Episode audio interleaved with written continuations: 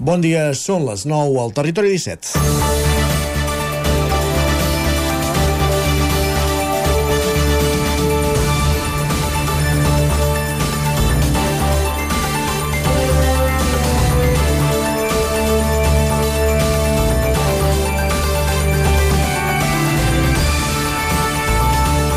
I les pluges de les últimes setmanes i les prediccions que apunten que tindrem un estiu amb més dies d'aigua del que és habitual, la sequera que patim a conseqüència del canvi climàtic és molt greu. Cal que tothom en prengui consciència des dels ajuntaments i els ciutadans particulars fins a la indústria i el sector agrari i ramader. Aquesta setmana el govern ha fet públic per primer cop el llistat municipi per municipi del grau de compliment de les restriccions d'aigua que estan en vigor per la situació d'excepcionalitat per sequera. Com sempre, se'n poden fer diferents lectures.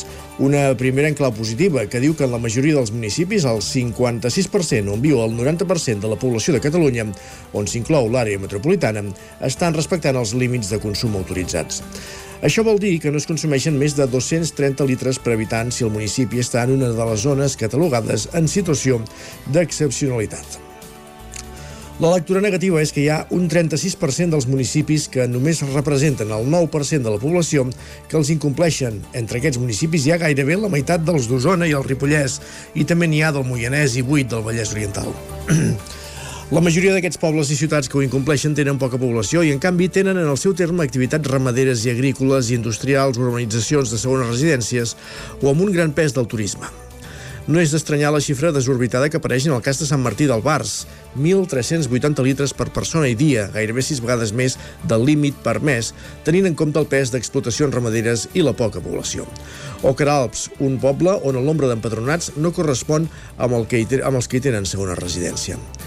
Per això és necessari disgregar les xifres de consum d'aigua, les que són de consum ciutadà, de les que són d'industrial o agrícola ramader, per no assenyalar de forma injusta els ciutadans. El govern ha obert una trentena d'expedients i ha fet més de 90 requeriments. Hi ha un 8% de pobles que no ha portat les dades. La previsió de l'ACA és començar a sancionar per incomplir les dotacions d'aigua després que els ajuntaments hagin pogut demanar les subvencions per reparar possibles fruites. Cal que tothom es prengui seriosament la gravetat de la situació. Territori 17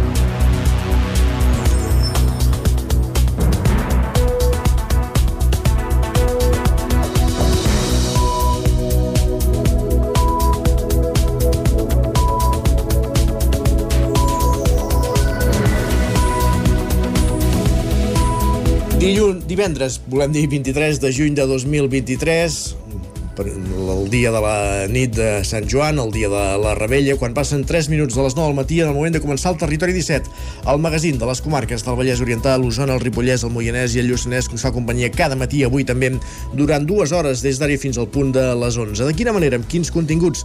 Doncs us els avancem tot seguit, avancem el menú del dia d'aquest matí de 23 de juny de 2023. En aquesta primera mitja hora ens dedicarem a abordar les notícies de les nostres comarques, l'actualitat del Territori 17, en companyia, en connexió amb les diferents emissores que dia a dia fan possible aquest programa. També eh, sabrem quin temps farà aquesta nit i la resta del cap de setmana. Ens acompanyarà en Pep Acosta, el nostre home del temps, per avançar-nos la previsió meteorològica i anirem fins al quiosc amb en Sergi Vives per repassar quines són les portades dels diaris del dia.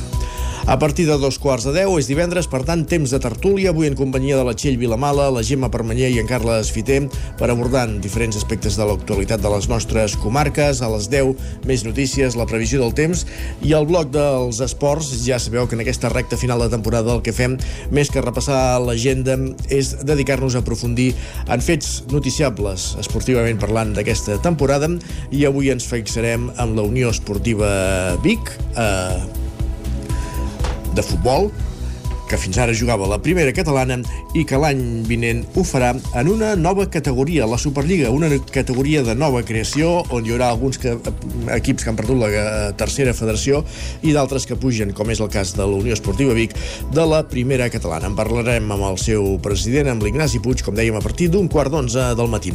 A dos quarts d'onze, com cada divendres, ens acompanyaran Jaume Espuny amb un disc sota el braç, no un disc qualsevol, un dels seus clàssics musicals que escoltarem i repassarem farem en aquest matí de divendres i acabarem el programa fent un cop d'ull a l'agenda d'actes per als propers dies, molt marcats, per exemple, per les rebelles d'aquesta nit i per l'arribada de la flama de, del Canigó. Aquest és el menú del Territori 17 d'avui i ara, quan passen 5 minuts de les 9 del matí, és moment de posar-nos en dansa amb les notícies més destacades de les nostres comarques. Les notícies del Territori 17, les notícies del Vallès Oriental, Osona, el Ripollès, el Moianès i el Lluçanès. Avui, que és dia de Rebella de Sant Joan, ens fixem en les vendes de partars, que han experimentat un augment significatiu respecte a l'any passat. Si més no, aquests són els càlculs d'en Roger Rams, des d'Ona Codinenca. Bon dia, Roger.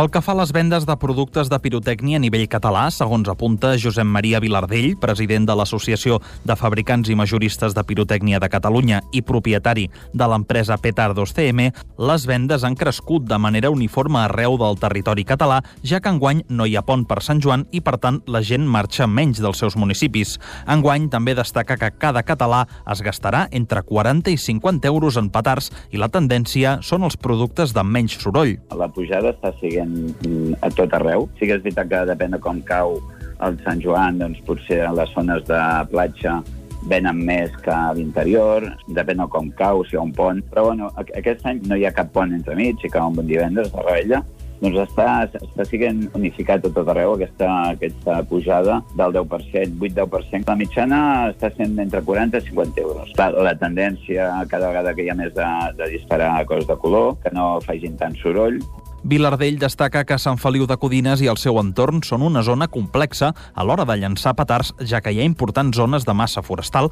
que enguany estan especialment seques.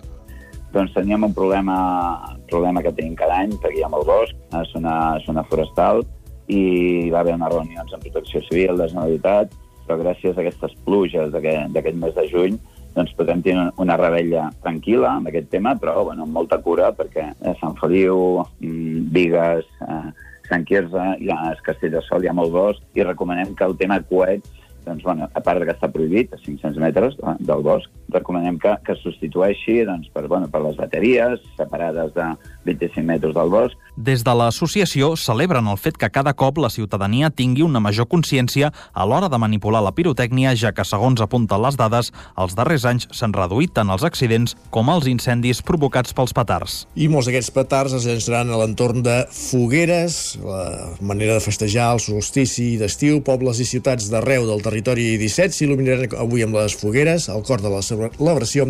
Repassem com serà la programació a les ciutats i pobles més grans de la comarca d'Osona ara mateix. Sergi Vives. A Vic, la rebella de Sant Joan ve marcada, com la majoria de municipis eh, de la comarca del país, per l'arribada de la flama del Canigó. Tindrà lloc a partir de les 9 del vespre davant de l'estació de tren de la ciutat. A continuació, la comunitiva iniciarà una marxa de torxes fins a la plaça Major amb l'acompanyament musical de Ramon Redorta. A l'emblemàtic emplaçament de la capital d'Osona tindran lloc els parlaments i l'encesa de la foguera de Sant Joan. A Manlleu, la celebració tindrà lloc a la plaça Fra Bernadí. A partir de les 6 de la tarda s'oferirà una actuació d'animació a càrrec de l'actor Abel Cobos i a dos quarts de vuit està prevista la rebuda de la Flama del Cànigo. Una cita que anirà acompanyada de la colla gegantera i grallera del municipi, parlaments, la cantada de l'himne de Catalunya i l'encesa de la foguera. I a Torelló la Flama arribarà a les 7 de la tarda a la placeta d'en Pujol, que acompanyada per una cercavila amb els gegants es dirigirà a la plaça Vella on els Diables del Gès encendran la foguera. A partir de dos quarts de nou, sopar popular i tot seguit concerts a càrrec de sibarites i paracaigudistes acústics. Guterman tancarà a Palautordera i acomiadarà 67 treballadors. La plantilla denuncia que l'empresa pren la decisió per desviar la producció a Turquia, per deslocalitzar-se. Pol Grau, Ràdio Televisió Cardedeu. El fabricant de fil Guterman preveu tancar la planta que té Santa Maria de Palautordera, una decisió que comportarà l'acomiadament dels 67 treballadors actuals. La mesura, que està en procés de negociació entre la direcció i els representants laborals, posarà fi a una dilatada trajectòria de la companyia d'origen alemanya a Catalunya. Han estat més de 90 anys al país, els últims 30 a Santa Maria de Palautordera, on el 92 es van unificar les activitats que l'empresa tenia a Mataró i Terrassa. La direcció va plantejar el tancament a finals de maig i les negociacions sobre les condicions dels acomiadaments que se'n derivaran van començar a principis de juny. Tot i que el límit per tancar les negociacions de l'expedient d'extinció de contracte s'acosta, les posicions de totes dues parts encara estan allunyades. Els representants de la plantilla havien demanat que retirés l'expedient perquè no hi ha motivacions econòmiques per justificar-lo. En l'últim any diuen que han augmentat els beneficis. La plantilla denuncia que la direcció ha pres la determinació de la selectivitat pròpia de l'Autordera per traslladar-la a un proveïdor de Turquia. La plantilla és en espera futurs avenços de les negociacions que, en cas de no produir-se, motivaran mobilitzacions més enllà de les pancartes que ja han plantat. Gràcies, Pol. Més qüestions. L'Ajuntament de Taradell a Osona ha assumit la gestió del servei de la piscina d'estiu després de la renúncia del Parc d'Esports a una concessió que tenia des de l'any 1979. El consistori ha fet unes inversions per millorar l'espai i s'ha endarrerit l'obertura de l'equipament que es posarà en marxa avui mateix, 23 de juny. És una de les darreres piscines de la comarca d'enceta temporada després que ahir operaris municipals acabessin de posar a punt les instal·lacions. De tot plegat en parla l'alcaldessa Mercè Cabanes. La darrera junta d'aquest club va veure que era inviable seguir mantenint eh, aquesta concessió perquè s'hi havien de fer unes inversions molt, molt importants. La concessió s'acabava d'aquí sis anys, l'any 29, però davant d'aquesta diguem circumstància de, de falta de manteniment l'Ajuntament doncs, ha acceptat diguem, la sessió anticipada. Realment no hi havia més remei que acceptar aquesta sessió anticipada i el que vam fer ja al mes d'abril en el ple doncs ja vam aprovar unes petites inversions per poder obrir s'ha habilitat una nova entrada per la baixada de la Riereta on hi haurà el control d'accés i un bar provisional que també s'estava acabant de preparar a ahir matí. El consistori ha fet una inversió de 60.000 euros a l'espai per a banda de millorar l'accés, adequar l'equipament la, amb la normativa. Això ho explica Cabanes. Unes inversions doncs, al que és la platja per qüestions de seguretat, doncs, perquè es pugui fer servir amb, amb total garantia de seguretat. I creiem doncs, que hem, fet, eh, hem ampliat els horaris de la piscina, per tant seran de 10 del matí a 8 del vespre i els dies feiners i d'altra banda doncs, també hem fet més abonaments familiars i diguem, hem facilitat que el màxim de gent doncs, en pugui fer ús durant tot aquest estiu. En aquests moments eh, de calor, d'extrema calor, doncs és un refugi climàtic i que val la pena doncs, que el màxim de gent eh, vulnerable, gran, petits, doncs, en pugui fer ús. Dels nous preus de les piscines d'estiu de Taradell des del consistori també en destaquen la gratuïtat per als majors de 65 anys i de les persones en situació d'atur o amb discapacitat. Des d'avui i durant més de dos mesos, les instal·lacions millorades podran acollir els banyistes que vulguin anar-se a refrescar. Més qüestions. Aquest dijous ha acabat el curs a les escoles i instituts. L'últim dia ha estat una jornada de comiats, abraçades i emocions a tots els centres, sobretot per a aquells alumnes que canviaran d'etapa escolar al setembre. Semblava que no arribaria mai aquest moment i el curs ha passat més de pressa del previst. Si més no, aquesta era la sensació que respirava l'escola Lluriana de Sant Vicenç de Torelló, on coincidint amb l'últim dia del curs escolar les emocions estaven a flor de pell, sobretot pels alumnes de sisè de primària que s'han acomiadat de l'escola.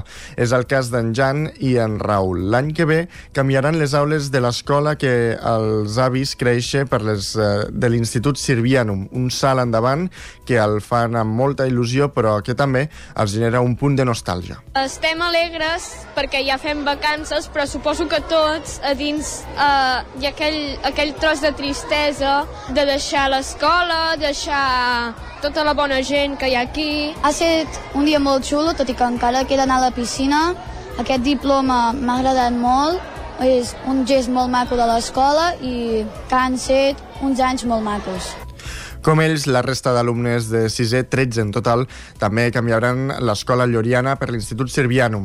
Qui vagin tots en bloc, diuen, fa que el comiat no sigui tan dur. El canvi d'etapa, però, l'Emma i en Pau, diuen, l'encaren amb la motxilla plena de bons records. Bueno, sí, ajuda perquè estarem tots junts, si no, no és a la mateixa classe, però al pati ens podrem veure. M'emporto molts amics, moltes persones que m'estimen, um, aprenentatges amb moltes assignatures. Les aules es tornaran a omplir el 6 de setembre. Fins llavors, els alumnes es dedicaran a exprimir al llarg eh, estiu que tot just comença. I després de cinc dies de pelegrinatge a Lourdes, a França, dimecres a la tarda arribaven els cinc autobusos que havien anat d'expedició carregats amb unes 500 persones procedents tant del Bisbat de Vic com del de Solsona. En busca de germanor, convivència i harmonia, unes 260 persones del Bisbat de Vic i unes 250 més del de Solsona van sortir dissabte cap a Lourdes. Durant aquells dies es van dedicar tant a fer activitats de caire religiós com processons, com tot tipus d'activitats lúdiques per la zona. Tot i la germanor i l'harmonia d'aquells dies, després de la pandèmia, moltes persones han deixat d'assistir als pelegrinatges. Ho explica el delegat comarcal de l'Hospitalitat de la Mare de Déu de Lourdes de Vic, David Aragüete. Uh, després de la pandèmia, malauradament, molta gent ens va deixar, uh, molta gent li, li ha costat tornar a, a fer aquest tipus d'activitats que, que suposen doncs, uh, unes hores de viatge, molts dies d'estar de fora de casa, i per tant sí que no estem a les xifres d'abans de, la, de la pandèmia del 2019-2018, molta gent va de pelegrinatge a veure la Mare de Déu i a donar les gràcies per tot el que els deixa viure. Malgrat tot, aquest any va ser una experiència passada per aigua. Ho explica la Maria, una de les viatgeres. Molt bé, una mica cansat, són moltes hores d'autocar i allà hem estat molt bé. I ens ha plogut molt, però no ens hem mullat, perquè s'han preocupat de que no, no ens mulléssim. Per molts, el pelegrinatge els serveix per sortir uns dies de la rutina habitual i passar uns dies entre amics i coneguts. És per això que des de l'Hospitalitat de la Mare de Déu de Lourdes de Vic ja s'estan preparant activitats com unes colònies d'estiu per aconseguir acollir a més gent. I un últim apunt polític perquè Carles Mercader entra a l'Ajuntament d'Ugassa com a regidor, tot i ser el tercer menys votat de tots els candidats. De fet, el que és eh, el president o el fundador de l'Associació de Veïns queda a l'oposició i només amb, el seva, amb la seva representació. Isaac Muntades des de la veu de Sant Joan. Carles Mercader, líder de la candidatura independent d'Ugassa Fem Poble Independents del Ripollès, va ser qui va prendre l'acte de regidor al consistori el passat dissabte, tot i que no va ser el més votat del seu grup, en un municipi on els regidors entren per llistes obertes i on hi havia nou candidats, dels quals només entraven els cinc primers. Amb 71 vots li tocava a Joel Arnau assumir aquesta responsabilitat, però després d'uns dies de reflexió interna després dels resultats, es va decidir que fos Mercader, ja que era el cap de llista del projecte i la persona que els havia motivat per impulsar-lo. Mercader va obtenir 63 suports i va ser la segona persona menys votada del seu grup, amb només Alba Coma per darrere amb 61 i el candidat fantasma del PSC, Daniel Garcia, que només va obtenir dos vots. La llista d'independents del Ripollès lamentava que tot i aconseguir gairebé un 40% dels vots, només havien assolit un regidor. Els tres regidors d'Esquerra Republicana de Catalunya van aglutinar el 45% dels vots i el de Junts, Jaume Camps, que anava en coalició amb els republicans, un 14,7%. El nou alcalde, el Albert Solà va sumar 101 vots pels 97 de Cristina Serra i els 96 de Camps i Irene Muñoz. Per tant, la victòria va ser clara respecte als independents, ja que va haver-hi 25 vots entre el més votat de Fem Poble i el menys votat de la coalició entre Junts i Esquerra. Sí, però el detall és que els pobles amb llistes obertes no es voten grups, sinó que es voten candidats, un per un. Acabem aquí aquest repàs informatiu que començàvem al punt de les 9 en companyia d'Isaac Muntades. Eh, Sergi Vives, Pol Grau i Roger Rams. És moment al territori 17 de saludar també el nostre home del temps, en Pep Acosta.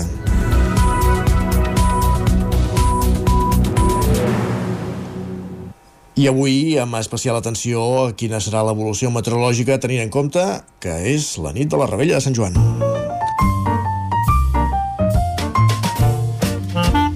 Casa Terradellos us ofereix el temps. Pep Acosta, una codinenca, benvingut, bon dia. Hola, què tal? Molt bé, Molt bon tu? dia. Bon dia.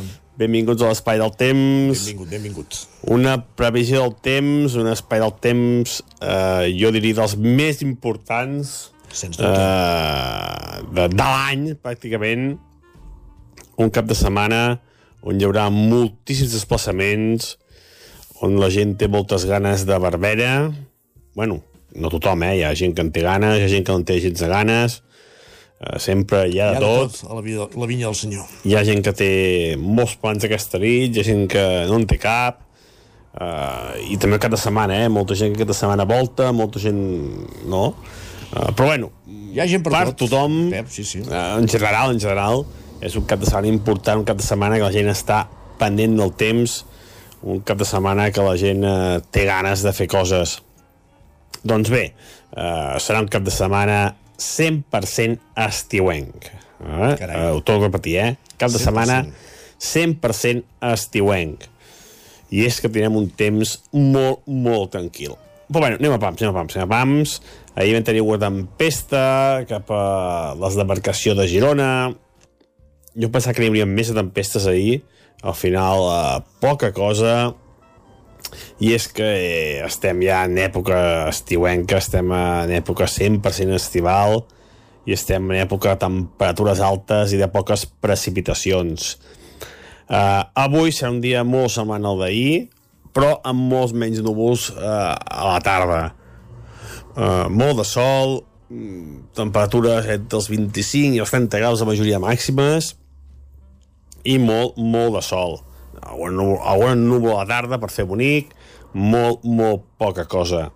I és que aquest mateix temps el tindrem tant dissabte com diumenge, amb unes temperatures que pujaran una mica més, la majoria màxima és entre els 27, 28 i 31, 32 graus a tot estirar.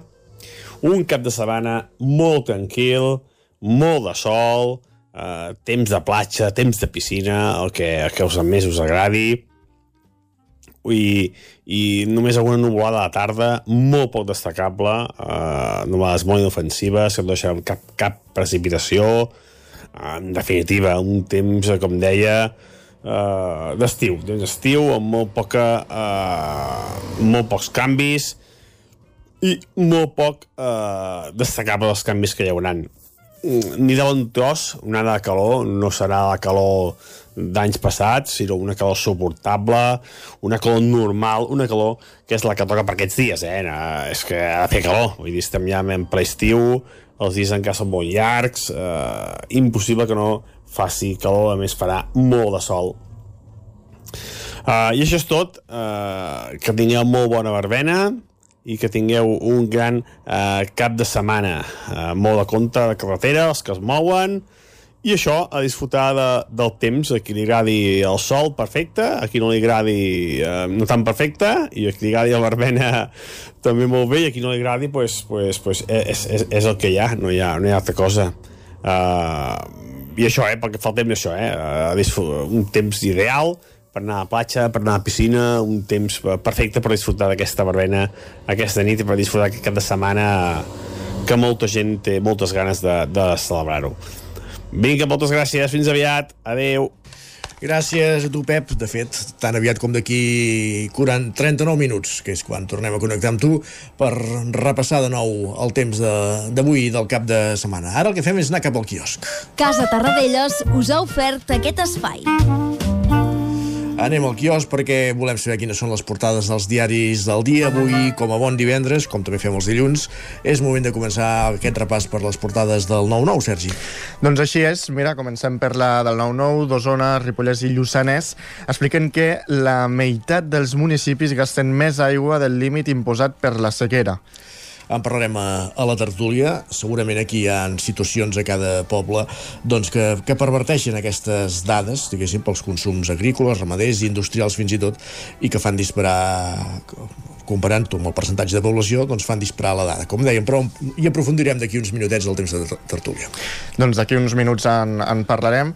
Uh, a la portada també veiem aquest uh, monestir de Sant Pere de Cacerres Uh, I és que és una de les carpetes que es trobarà el nou equip de govern del Consell Comarcal en l'àmbit cultural, el fet de recuperar visitants. I això doncs, també ho recull i ho destaca el 9-9 d'Osona Ripollès. Aquest espai meravellós de la comarca d'Osona, aquest punt com és el monestir de Sant Pere de Casserres, doncs que centra el punt d'interès turístic des del Consell Comarcal d'Osona, que és el gestor de l'espai.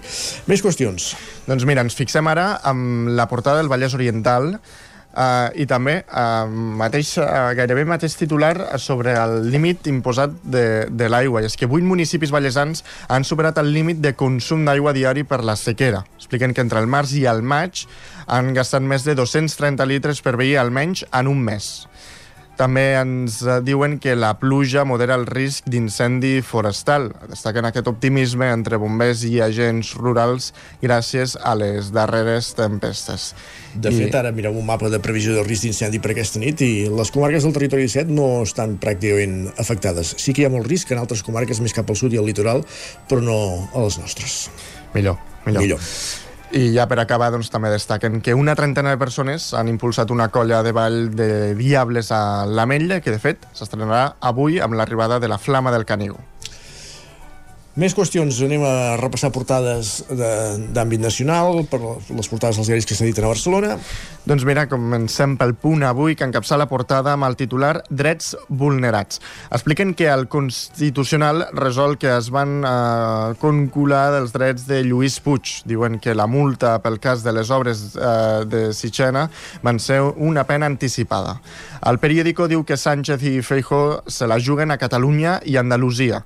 Expliquen que socialistes i populars consideren clau mobilitzar electors als dos territoris amb més diputats. Diuen que els blocs d'esquerra i, i la de dreta eh, s'estanquen a les enquestes a un mes de les eleccions. Afegeixen que els independentistes basen la seva campanya en el preu que posaran per investir a Sánchez. La Vanguardia diu que la Generalitat proposa delimitar el lloguer de pisos de 140 municipis. Expliquen que el govern demana celeritat a l'executiu central per aprovar les zones de tensades mentre la firma d'hipoteques s'enfonsa. Lara diu que... No el... res a veure el preu, o, o la pujada dels tipus d'interès, però vaja, en fi, parlem un altre dia. Um, uh, Lara diu que el PSC desconfia de Junts i busca una majoria alternativa per la Diputació. Expliquen que la cursa per el 23J dificulta la possibilitat de reeditar l'acord a l'ens provincial barceloní. Afegeixen que l'alcalde Collboni fitxa a l'arquitecte en cap a la ciutat. Uh, és una exregidora d'Esquerra Republicana, Maria Buig Buigas. Uh -huh. I en premsa espanyola el país destaca el malestar que hi ha entre els càrrecs del PP pel descontrol dels pactes amb Vox.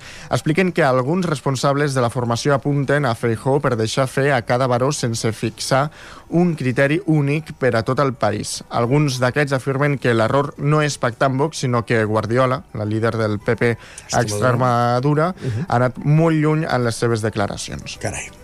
En fi, l'ABC diu que Ayuso rodeja d'una generació de tecnòcrates i gestors. Expliquen que estrena la majoria absoluta amb un govern totalment renovat i exhibint bona sintonia amb Vox. El Mundo diu que una implosió catastròfica va matar els passatgers del Titan. Expliquen que als Estats Units dona per morts als, a les cinc persones que viatjaven en el submarí després de trobar restes del submergible en una àrea que es troba al casc del Titanic. I acabem amb la, la raó que diu que el poder econòmic tem l'efecte desestabilitzador de Vox. Expliquen que l'IBEX i fons d'inversió anticipen la inestabilitat i de funcions. De fet, eh, diuen que gent de nivell no entraria en un govern amb Abascal de vicepresident. Carai, quin descobriment. Gràcies, Sergi. Fem una petita pausa i tornem amb la tertúlia. El nou FM, la ràdio de casa, al 92.8. Davant l'escassetat hídrica, fem un consum responsable de l'aigua, perquè cada gota que estalviem serà una gota més per al planeta. No et quedis sec. Tanca l'aixeta. Akbar amb tu. Quan tingui un problema amb la seva caldera, vagi directament a la solució. Truqui sempre al servei tècnic oficial de Saunier Duval i despreocupis, perquè som fabricants i coneixem les nostres calderes peça a peça. I ara aconseguiu fins a 250 euros en canviar la caldera. Informeu-vos al 910 77 10 50 o a saunierduval.es. Per moure't, lloga un cotxe ALR. Per moure la família, lloga un minibús ALR. Per moure coses, lloga una furgoneta ALR. Per moure la casa, lloga un camió ALR. Lloguer de cotxes, furgonetes i camions ALR. Ens trobaràs al carrer Francesc Sant Climent 83 de Vic i també a Olot i Manresa. Informa't en el 93 888 60 57 o bé consulta el web alr.cat. Ja tenim aquí la rebella de Sant Joan. Prepara't! A Manli seleccionem el millor en pirotècnia, bateries, bengales, trons, coets, els millors preus, ofertes tots els dies de rebella i tot l'any. Visiteu el catàleg a manli.cat. Manli, al carrer Ramon Soler, telèfon 93 889 0484. Vic, Sant Joan, ja és aquí. Ok, la universitat és esforç. Dormir poc, superar reptes. Però a la UBIC també és aprendre en les millors instal·lacions, traspassar els teus límits i volar ben lluny. Estàs a punt per començar la millor època de la teva vida? Escriu-nos i parlem del teu futur. ubic.cat barra academ. Escriurem Aquest estiu vine a viure el Festival Macroclima a Camprodon. Miqui Núñez, Blaumut, Helena Gadel, Missima, Pau Ballvé i molts més us esperen en un entorn immillorable. També concerts pels més petits amb Xiula i de Marisa Labert, l'humor de Quim Esferrer i una àmplia oferta de gastronomia de la vall. Compra ja la teva entrada i vine a Camprodon a gaudir del macroclima. Rètols 2 Art. Experts en comunicació visual. Rètols, banderoles, vinils, impressió, plaques gravades, pancartes, senyalització, displays... Rètols 2 Art. Més de 30 anys al vostre servei. Ens trobareu a la carretera de Vic a Olot número 7, al polígon Les Casasses de Vic, dosartvic.com. Telèfon 93 889 25 88. Anuncia't al 9FM. La màquina de casa. 9 3 8 8 9 4 9 4 9. Publicitat arroba al 9FM.cat. Anuncia't al 9FM. La publicitat més eficaç. En punt, dos quarts de 10 al territori 17.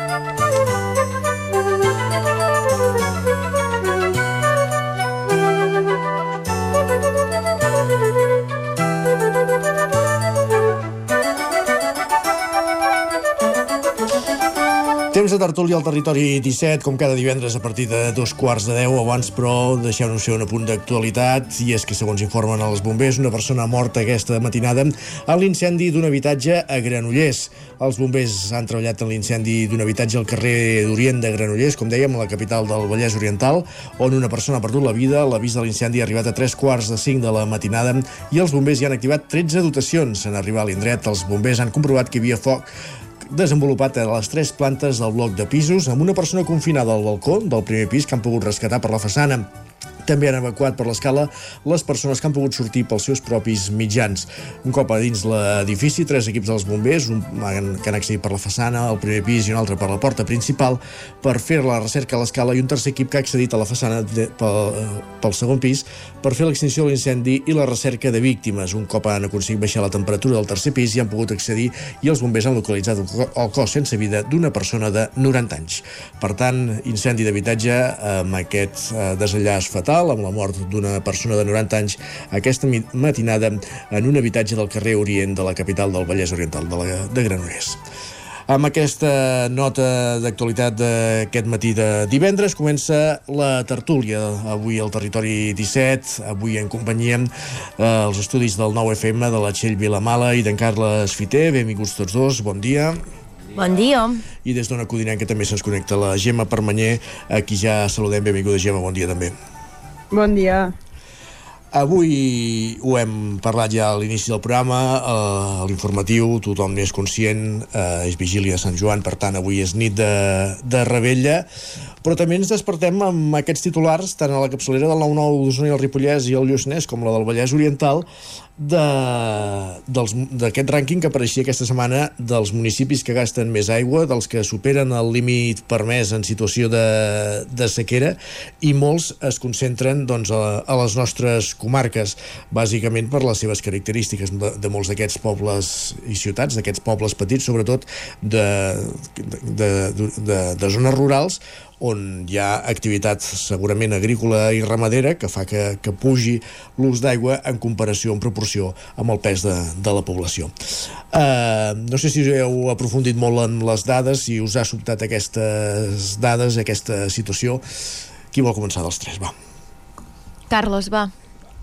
Doncs va. Uh, a veure, uh, les dades són bastant impactants, a més a més, com que es poden desgranar, desgranar per municipi, vulguis o no, tots a vegades anem a buscar una mica què passa al meu poble o què passa a la meva ciutat, i això sempre és interessant. El, que passa sí que, eh, comparant les dades, que crec que és la primera vegada que es publiquen per, per pobles, no sé si l'ACA ho havia fet abans, ho, ho desconec, però crec que era la primera vegada, doncs sorprèn això, eh? no? ells ja avisen doncs, això que és una lectura complexa i evidentment com expliquen eh, els alcaldes d'aquests municipis més afectats, que aquí us no tenim clarament Sant Martí del Bars, Uh, clar, ells demanen això que, Lluçanès, que no, Lluçanès. sí, que se'n que se'n faci una, una, una divisió per, per què, què, què consumeix la població i què consumeixen, diguéssim, les empreses, o en aquest cas els ramaders. Uh, sobta molt, uh, a mi són dades que em sobten molt, però clar, també hauríem de posar la lupa i, i no sé, uh, fixar-nos a veure en què concretament passa cada municipi perquè el titular fàcil seria dir que, que gasta molt, molta aigua els veïns a Sant Martí del Bars, però òbviament no és així. Segurament tothom fa els seus esforços, i fins i tot empresaris i ramaders per, que, per evitar. Ara farem la broma, eh? però els que en gasten molt deuen ser aquells veïns de quatre potes. Correcte, sí, exacte. En, en, un, en un habitatge molt petit. Digues. Correcte, sí, sí. El bestiar segurament en gasta molt i no té tanta consciència, però ostres, penso que, que a vegades això uh, va bé, això ja va sortir a principis de setmana i nosaltres hem anat uh, posant-hi la lupa i doncs, ostres, uh, mirar aviam què passa i sobretot parlar amb els alcaldes del territori que es coneixen molt la seva zona i és el que ens diuen, eh, tant a Olors com a Sant Martí doncs, ostres, ens condiciona molt a la dada per l'activitat ramadera i la poca població que tenim, bàsicament, però també demanem això, que, que es pugui separar els consums, no? que puguem veure què, què, què, fa, què fan els veïns i què fan les empreses, i crec que l'ACA els acceptarà, però vaja, uh, no deixa de sobtar-nos que, que, que en aquesta sequera que tenim o aquest estat d'excepcionalitat hi hagin aquestes dades perquè, ostres, impacten, però insisteixo i també en aquest cas una mica donant suport al que diuen els alcaldes, doncs posar més la lupa per veure qui, qui ho fa o, o com es fa. No sé com ho veieu la resta. No, i és veritat, d'avenços en la gestió de l'aigua els últims anys eh, se n'han fet molts i malgrat que el canvi climàtic s'ha accelerat molt de pressa i tampoc ens ha deixat gaire temps per pensar-nos. Correcte. Uh, penso això, eh? Uh, potabilitzadores, desaladores, depuradores, aquí us en tenim algunes d'encallades, però déu nhi la quantitat de municipis que això ho tenen ben resolt. Per tant, s'han fet coses, però se n'han de fer moltes més. I jo us he de dir que amb els temes aquests dels decrets d'excepcionalitat a vegades sóc una mica escèptica perquè entenc que està bé i que s'ha de cridar a la població a fer un consum responsable, però també eh, que segurament el que cal és actuar sobretot amb obres de gran envergadura, no? Eh, aquests dies, aquests últims mesos, de fet, ens hem fet un tip de sentir això, les fuites que hi ha a les, a les xarxes municipals d'aigua, que segurament si poséssim solució a això, que al final és fer que la xarxa sigui molt més eficient, eh, ens estalviaríem molts més problemes d'aquests esforços que ens demanem constantment a la ciutadania, que no dic eh, que no els haguem de fer, però que si a més a més eh, trobessin la corresponsabilitat d'això, unes xarxes en el manteniment que toca i en l'estat que toca, segur que, que no tindríem aquests problemes.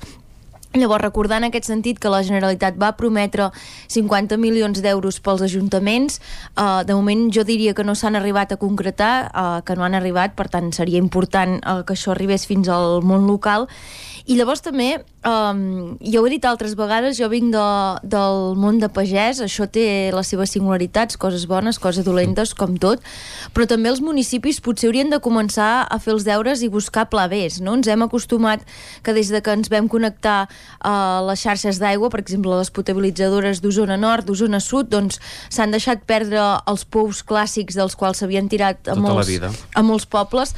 Llavors, jo entenc eh, que, per exemple, aquí a la comarca d'Osona hi ha un problema gegant amb la gestió dels purins, que els aquífers estan contaminats i que això no és tan fàcil com era uh, uns segles enrere.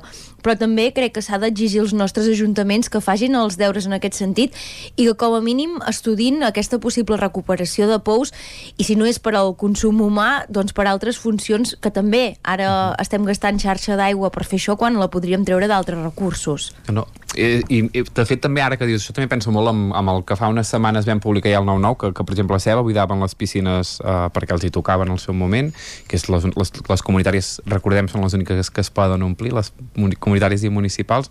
I clar, la iniciativa aquesta crec que només l'ha replicat Viladró i penso, ostres, quantes piscines municipals hi ha a, les, a la comarca d'Osona, a Lluçanès, Ripollès o, o Vallès Oriental i quants ajuntaments han decidit dir dir, us donem l'aigua doncs perquè podeu regar carrers, perquè pugueu eh, regar plantes, perquè algunes, eh, òbviament pel tipus d'aigua no es pot fer. És dir, veig que les iniciatives aquestes tampoc s'han impulsat molt i penso, ostres, al cap i a la fi, si vosaltres en aquest sentit i la quantitat d'aigua que hi ha a una piscina no, no, no es dona exemple, mm, malament anirem també, no? Vull dir que sembla que només hagi quedat com una flor de, de primavera, en aquest cas d'estiu, que ja hi, hem, ja hi hem entrat, i penso, ostres, era una iniciativa ben original i crec que fins i tot a Ceba no es van arribar a gastar tota l'aigua. Dius, ostres, és, és curiós. I, I això de les fruites, en veiem diàriament. Uh, I més ara, no? Tenim totes les xarxes uh, amb digitalitzar, és a dir, que saps què, què, què per aigua i què no, i, i, i no sembla que se solucioni, Tot, però vaja. Algunes més que d'altres, però vaja, sí. sí. També hi ha feina per fer. Gemma. Uh, no, bastant d'acord amb tot el que s'ha dit fins, fins al moment. La Txell expressava aquesta incredulitat pel que fa als decrets de sequera. Jo també... És, és el típic cas en què tinc la sensació que es fa una macronorma des d'un lloc que no s'acaba adaptant a la realitat de cada lloc, no? Perquè mirava ara les dades aquestes que comentava en Carles de, de Sant, Mal Sant Martí del Bars, clar, hi ha mesos que, que estan a 1.500 o més de 1.500 litres per, per, per habitant dia, quan el límit em sembla que són 230. Mm. Uh, això és que no cal ser enginyer per veure que, que això és que hi ha una realitat que no, que no està gens d'acord amb, amb el que hauria de ser, no? En el cas que ens toca més de la vostra a nosaltres, eh, que és el de Vigues i Riells, s'ajunta tot això. Aquí també hi ha ramaderia, però n'hi ha menys, però sí que és veritat que és un municipi molt disseminat, té 30 urbanitzacions, 30 urbanitzacions són 30 barris gairebé, tots eh, amb cases amb piscina, amb jardins grans, i això, evidentment, per, per molt que eh, es facin campanyes de sensibilització eh, perquè es redueixi el consum d'aigua domèstic, jo crec que no s'acaba traduint. En el cas de Vigas són 237 els, els litres que s'estan consumint en els últims mesos, 297 de mitjana anual, és bastant per sobre de, del, del límit i, i sí que l'alcalde atribuïa a bona part d'aquest consum a les fuites que tenen detectades però que no han pogut reparar. Però jo crec que aquí s'ajunten una mica les tres coses. Sí que és veritat que ho hem, ho hem dit des del primer dia i ho hem tractat a diverses tertúlies que també sembla que això de la sequera ens caigui molt lluny, que sigui un problema d'altres, no? I, i, I gent en piscina de bueno, jo l'ompliré perquè no em veuran, bueno, no em veuran. Uh, primer que el consum consta i després que, que o sigui, és una cosa que és de tots, no? Vull dir, és un problema que tenim tots, no tu. No, i a més et veuran segur, eh? perquè per, pel costat de casa teu, t'agradi o no, o, o t'ho imagines no hi passa gent, ara amb els drons és brutal les coses que s'arriben a veure que no es pot arribar a imaginar per tant eh, aquest discurs tan egoista també el tanto eh, perquè Sí, és que acabem tornant al debat de l'egoisme no? com, com parlàvem també en, pandèmia de aquestes accions individuals que acaben afectant tot el col·lectiu però que tothom es mira només des de, des de la seva part. Per tant, bueno, no ho sé, no, no sé com, quina solució hi ha, però també sí. Jo, jo recordo que el, el primer cap de setmana que va fer molt, molt, molta calor, el mes de març, abril, des de l'Ajuntament de Sant Feliu a la ràdio ens van demanar si podíem fer una notícia eh, explicant que s'havia incrementat el consum d'aigua amb les dades, com s'havia incrementat, perquè la gent fos conscient que, que això consta i que, i que s'havia d'aturar. I ara, com que portem dues setmanes que ens ha plogut, doncs segurament la, la sensació que tenim és molt falsa. Clar, però, però alhora és interessant el que comentem perquè jo crec que també eh, ens ajuda a reivindicar la funció del periodisme, no? O sigui, està bé que nosaltres comprem aquest relat de l'ACA que ara treu les dades i alerta dels municipis que, que, amb habitants no? que, que tenen aquest límit per sobre, que s'han passat, diguem, del límit, mm. però també estaria bé no, que els periodistes, doncs, per què no ens anem a mirar l'eficiència de les xarxes municipals d'aigua i traiem temes en aquest sentit? Vull dir, eh, que és una possibilitat que ara surt aquí sobre la taula, però també és això, si ens creiem el periodisme de solucions i anar a reivindicar solucions, doncs mira, un molt bon tema per fer ara els dies que venen uh, seria aquest. Sí, no, no està clar. De fet, uh, crec que, que per exemple, uh, crec que en el cas de Vic, per exemple, perquè ara quan s'han aprovat aquests plans uh, locals uh, per, per situacions de sequera o situacions d'emergència uh, s'ha de dir que, que, que això que dèiem eh, que com que està tot tan digitalitzat en aquest cas l'eficiència que tenia era d'un 95% per tant el marge, ai, que el marge darrere era d'un 15% per tant l'eficiència era d'un 85% vull dir que en aquest sentit la capital uh, se salva bastant. Uh, o després clar hauríem de mirar les altres. Sí que hi ha municipis on tot està molt vell o que sempre hi ha llocs on sempre es perd pel mateix lloc. Vull dir, a vegades penso al meu poble i sempre veig el mateix lloc on, on es perd aigua i malgrat vagis avisant o, o reivindicant que allà surt aigua, a vegades no... I, i alerta surt. també a, a comprar el titular aquest de les sancions, perquè en el seu moment també molts municipis van parlar d'un possible règim sancionador. Correcte. De moment no l'hem vist, però eh, precisament enllaçant amb la intervenció que feies tu al principi, alerta a com es podrien aplicar aquestes possibles multes, perquè les dades, com comentem, s'han de saber contextualitzar molt bé eh, partint de la base que no és només aquest consum ciutadà domèstic, sinó que hi juguen aquest industrial i, i ramader, no? que, que fan aquestes grans distorsions. Sí, va, és el que dèieu, ara amb la Gemma, no? que, que clar, cada, cada poble o cada ciutat és un món i, i, i, i el que per un poble serà aquest valor o per una ciutat serà aquest altre valor eh, la sanció no tindria cap mena de sentit. Va, imagina que en un poble ho fan servir molt per, no ho sé, eh, és que és més complicat de determinar i jo crec que de sancionar encara més i no sé fins a quin punt, l'ACA ja té punt i super ben muntat aquest Per això aquest que alerta règim. també periodistes sí, sí. a l'hora de comprar segons Sí, quins titulars exacte. que és possible que surtin. Correcte. I segurament ara obriré un altre debat d'aquells, un altre meló d'aquells que podria estalviar-me, eh? però segurament eh, té, té, no, també té a veure el que, el que comentàvem ara de, de les xarxes, eh, de l'estat de les xarxes, amb la inversió que s'hi faci i, i amb els serveis municipals d'aigua de cada municipi, on hi ha més massa crítica, on hi ha més capacitat d'invertir i d'anar renovant la xarxa. Ara en Carles explicava el cas de, de Vic, que està concedit a Aigües Vic i que s'ha anat invertint i s'ha anat actualitzant, doncs és una realitat en pobles petits on, on només hi ha un operari per fer tot el manteniment del poble, elèctric, eh, d'aigua i de no sé què, doncs la realitat segurament eh, és una altra i no, la xarxa no pot estar tan, tan al dia. Evidentment que cada, cada poble i ciutat és un, és un món mm. diferent. I llavors partint de la base que de cara als ajuntaments és de les obres imprescindibles però que no venen, no? Exacte. Això ho explica molt bé a vegades l'alcalde de Rupit, l'Albert Mercè, que quan li demanem a què destina eh, cada any el seu pressupost hi ha un percentatge elevadíssim que és a l'asfaltatge o el manteniment de camins rurals. I és veritat que és super imprescindible per al dia a dia dels veïns, però no és una obra que impliqui tallar una cinta, no és, in, no és un equipament, no és I, una I festa... pels turistes, quan anem a fer el tafaner i ens fiquem per aquests camins on no ens hi haurien de posar perquè no es porten enlloc, també ho agraïm, que, que no, deixar, no deixaria el cotxe, segurament, no? Doncs és l'altre gran exemple, no? Sí, sí. Uh, clar, és vital que la xarxa municipal d'aigua estigui bé, però és a sota terra. És que mai No millor es dit veu. que no es veu. Sí, sí, sí, sí. Bueno, de fet, a, a, aquesta setmana que entrevistàvem a, a l'alcaldessa més jove d'Osona, que és Laia Serrat de Sant Agustí de Lluçanès, que agafa el relleu a, al, En Josep Pujol, en Josep Pujol exacte. històric. Doncs, clar, també, eh, quan parlen d'obres o de coses que han fet, clar, parlen d'aquestes coses tan senzilles que és el que deies tu, Txella, que no s'ha de tallar una cinta, però que són sumament importants. Per exemple, en Pujol ho deia, no?, que ell havia portat tota l'aigua municipal a totes les masies de, del poble, que això eh, ha de ser importantíssim. Gemma, ja veus que aquí Vic avui hem esmorzat llenga, eh, intervé, eh? No, ja va bé, ja, ja va bé, ja va bé. Talla'ns, eh, quan convingui.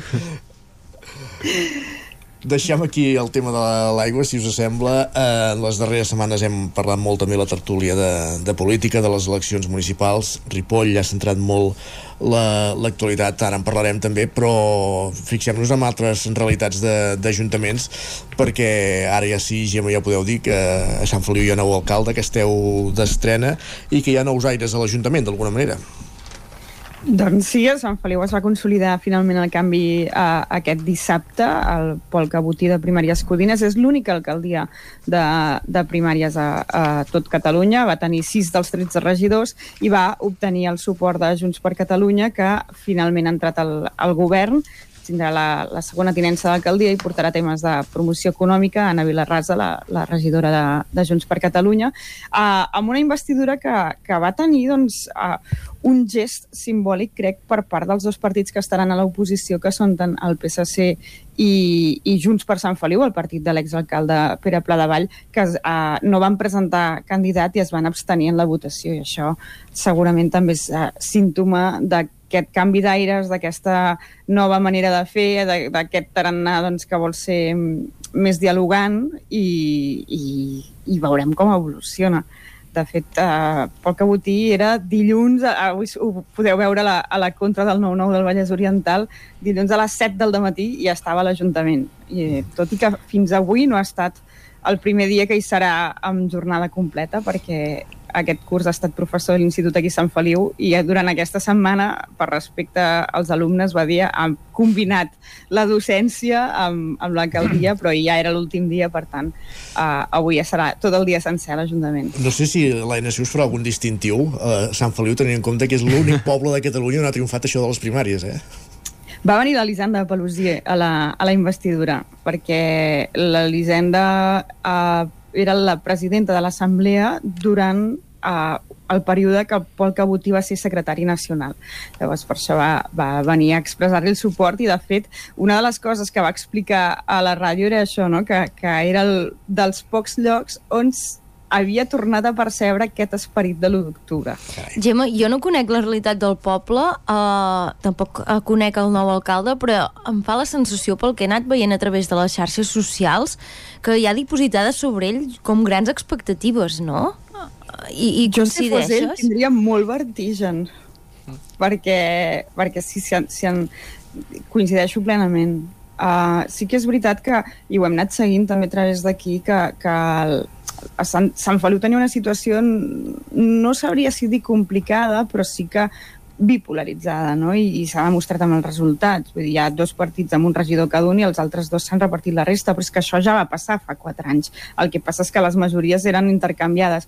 Aleshores, sí, sí que és veritat que hi ha com no hi ha un trencament social al carrer, evidentment, però, però sí que qui volia el canvi mm, s'ho ha cregut molt i, i ara jo crec que la pressió que tindrà el Pol Cabotí aquests primers mesos de govern serà molt gran. De fet, uh, ha fet esment dues o tres vegades amb, amb aquestes entrevistes inicials als 100 dies de gràcia, o sigui que, que, que, que crec que és conscient que la gent està esperant canvis ja, a hores d'ara. L'esperança sempre, no? Quan hi ha una persona, cara nova o, o, o un alcalde nou, no? l'esperança de, o, hi és dipositada amb tot i entenc que és proporcional a la responsabilitat que, que assumeix ell o ell en aquest cas, no? una cara nova que, que fa aquest canvi ara que comentaves tu, Gemma, perquè tampoc la, la conec la realitat d'aquí però, ostres, mm, no sé, sempre fa gràcia, no?, aquesta il·lusió que es conservi. Passa que... La cara nova ta- també molt jove, és un dels Clar. alcaldes més joves de la comarca, crec que és el tercer, diria que el primer és el de Sant Antoni de Vilamajor, després hi ha el Jan Santaló de l'Ametlla, que té 28 anys, i el Pol Cabotín té 30, per tant, Clar, que- t- també hi ha re renovació generacional i això, vulguis que no, implica també renovació en maneres de fer, amb, amb, Mhm. amb eines, uh, etc. Uh, parlaves de les primeres patates calentes, la primera que ja té és el tema aquest de, del decret de tancament dels bars a la una de la matinada. Veurem ara com, com es gestiona això, eh? perquè tampoc és senzill. No, no, no, no. De fet, dilluns en vam parlar amb ell aquí a la, a la ràdio i deia que, que ells havien expressat que la seva intenció era revocar-lo i que seguien amb aquesta idea, però que abans de fer qualsevol acció precipitada necessitaven conèixer totes les dades perquè eren conscients que des de l'oposició, tot i que uh, sabessin per on anaven els, els trets perquè han estat convidats a la, a la Junta de Seguretat, no tenien tota la, la informació per prendre decisions, no? I, I pa parla, parlaves de patates calentes, uh, post-eleccions, uh, Re, fer un petit apunt d'aquí a Osona perquè també està molt interessant el tema del Consell Comarcal. Sí. Um, clar, la setmana passada amb les investidures de dissabte diguem que es van resoldre les incògnites de les alcaldies hi va haver aquesta sorpresa, per exemple, a Sant Julià, que va, caie, va acabar caient de la banda de Junts, també Tona, que finalment hi tenim els independents, o les Masies de Voltregà, no? que Junts intentava, diguem, eh, desbancar els socialistes de l'alcaldia i ells han reeditat el pacte amb en Gil Codina. Ara hem resolt els ajuntaments, però el que ha passat als ajuntaments té també derivades al Consell Comarcal, que jo crec que serà el gran tema de conversa política aquestes dues setmanes que queden fins que s'acabi de constituir. I ho dic perquè mai havia passat a la història de la comarca d'Osona que hi hagués un empat tan tècnic entre Esquerra i Junts, o l'antiga Convergència i Unió. Llavors, a veure com s'acaben entenent aquests dos partits, perquè amenaça de tempesta, si més no les negociacions que hi ha ara eh, no estan evidentment trencades, ni diem eh, que hi hagi mala maró, però sí que els dos partits eh, tiba cadascú per la seva banda i ve- veurem si s'arriben a entendre i si és possible eh, reeditar aquesta aliança àmplia dels últims mandats. Um, no ho sé, jo crec que està molt, molt interessant. Uh, clar, recordem, Esquerra va guanyar en nombre de vots a Osona, Junts té més regidors i també té més alcaldies, a Junts en té 20 i en canvi Esquerra en té 17. Entre les noves de Junts hi ha, per exemple, Manlleu, que és el segon municipi més poblat de tota la comarca. Llavors, uns i altres uh, fan valer el seu paper. Ens sembla, o pel que hem pogut contrastar fins ara, Esquerra apostaria més aviat per fer una presidència de dos anys i dos anys al Consell Comar Comarcal, poder-se-la distribuir. És una fórmula que no tothom dins de Junts uh, veu bé. Per tant, primer potser caldrà posar-se d'acord uh, sobre si és possible reeditar aquest pacte ampli, llavors sobre com es, es distribueix la presidència i llavors caldrà també parlar dels noms, perquè veient que ja Ah. les forces estan ajustades, evidentment farà falta una figura més o menys que, tito, que tothom s'hi senti còmode, no? allò que diríem una persona de consens.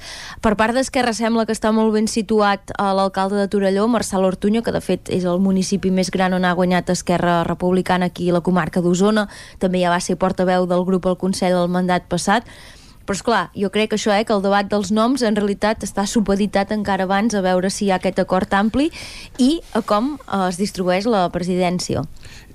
és, és bastant complicat perquè, um, ara ho deies, és tan tècnic que, que, que entenc que hi hagi aquesta aquesta, diguéssim, possible mala maró, no, no ens avancem als fets, però clar, també entenc que, ostres, el Consell Comarcal és com, com un ens molt de, de, de pacte, no?, d'aliances, que al final una pica baralla que hi pugui haver en un ajuntament, amb un Consell Comarcal, poder no sé si s'importa tant, no? Però vaja, entenc que els partits tots juguen les seves cartes. Clar, veurem si és bo aquell discurs que diuen que el Consell Comarcal Correcte. no s'hi va fer política, sinó que és un ens que presta serveis als ajuntaments i que es deu, que és finalista, no? que es deu Mhm. això a servir als municipis. Ho veurem, perquè és veritat que aritmèticament, amb els resultats que han quedat, també aquestes dues grans forces podrien optar doncs, per fer un pacte amb socialistes, per buscar el suport d'ara pacte local i prescindir d'aquesta aliança clar, clar. àmplia. Per tant, veurem si realment els nostres polítics uh, s'ho creuen, si, si aquest mantra de que no s'hi fa política es compleix i es redita o no aquest acord. Ho seguirem, segur. El Vallès Oriental també també el tenim obert, el Consell Comarcal.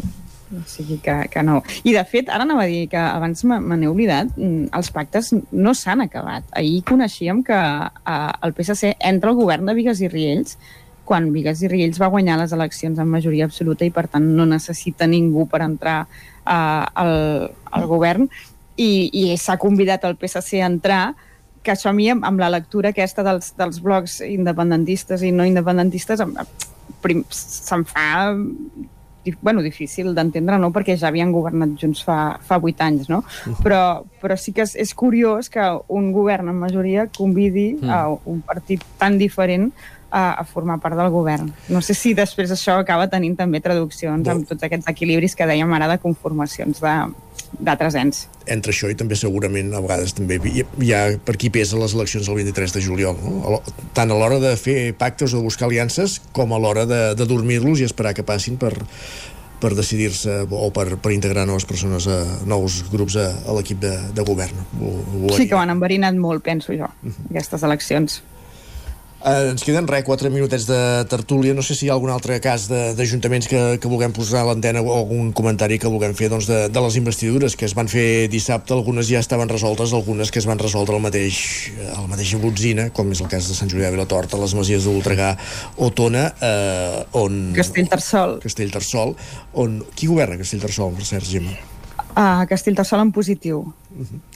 Castellterçol en positiu eren els continuistes, uh, estaven empatats a regidors però no a vots amb Connectem Castellterçol, que era aquesta força nova, i Esquerra va donar suport uh, als continuistes, diguéssim, amb un sol regidor, però la noia que va donar suport va dimitir en el mateix ple perquè la seva opinió no era la mateixa que la del grup al Carai. qual representava. Per tant, a, Cas- a Castellterçol hi ha mambo, eh? Sí, sí. De Home, digues, digues, Perdó. Isaac, Isaac, endavant. No, no, no, digues, digues. Continua sobre Castellterçol perquè canviaré el focus de lloc. Sí, no, no, volies no, jo parlar. anava cap a Ripoll. Vull Anaves tant- cap a Ripoll. Doncs mira, jo volia anar més cap al sud, cap a Tona, que també em sembla un altre d'aquests municipis superinteressants, perquè vam arribar dissabte amb tots els grups amagant les cartes, uh, finalment opció continuista també d'aixequem, però uh, amb el suport imprescindible de la regidora de Junts, la Berta González, que és interessantíssim el que expliquem avui a la pàgina 8 del 9-9, aprofitem per fer publicitat de la relació oscil·lant que ha tingut amb Josep Salom, no? La Berta al seu moment va aparèixer en defensa d'una escola, llavors contra l'alcalde Salom, entre cometes, entre el govern encapçalat per Salom, llavors va acabar entre les files del seu partit, eh, finalment, eh, diguem, van partir peres i Josep Salom va vestir la seva candidatura a aquestes eleccions, després del que va passar ara fa 4 anys, i eh, aquest dissabte, o màgia, sorpresa d'última hora, acaba sent Berta González, no?, qui eh, serveix, diguem, l'alcaldia Aixequem, i per tant torna a enviar eh, Josep Salom a, a l'oposició. És dels pobles interessants, uh, jo crec que interessants de seguir aquest mandat, juntament també, com dèiem, amb Sant Julià. Sant Julià hi ha ara un govern en minoria, cinc regidors de Junts que agafen el relleu a 12 anys de governs d'Esquerra Republicana, uh, cinc regidors que s'estrenen sense haver tingut experiència municipal i que ara van buscant quines aliances poden fer, però que no ho tindran fàcil després de com han anat aquestes setmanes prèvies a, a la investidura.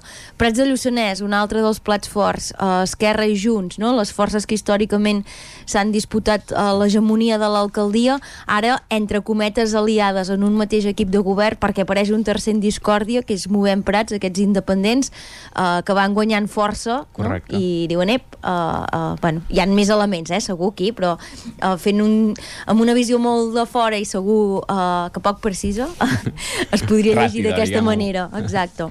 No, no, um, ara, diguéssim, uh, podem estar més relaxats pel que fa a eleccions municipals, però sí que és cert que això dels pactes, uh, encara, o els cartipassos, per exemple, que en molts ajuntaments encara no estan definits, i sobretot en els, els pactes, haurem de veure com es van solucionant.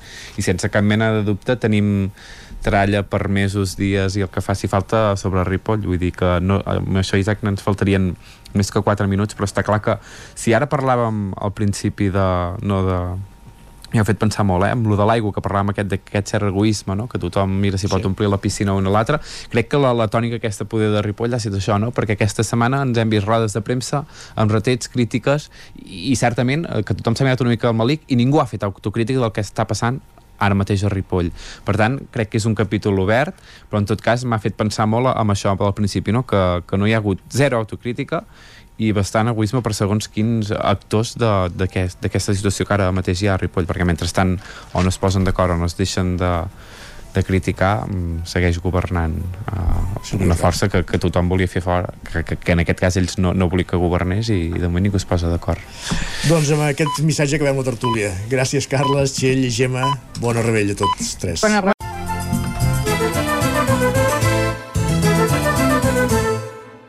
Ara mateix passen 15 segons de les 10 del matí. Avancem al territori 17. Moment per l'actualitat.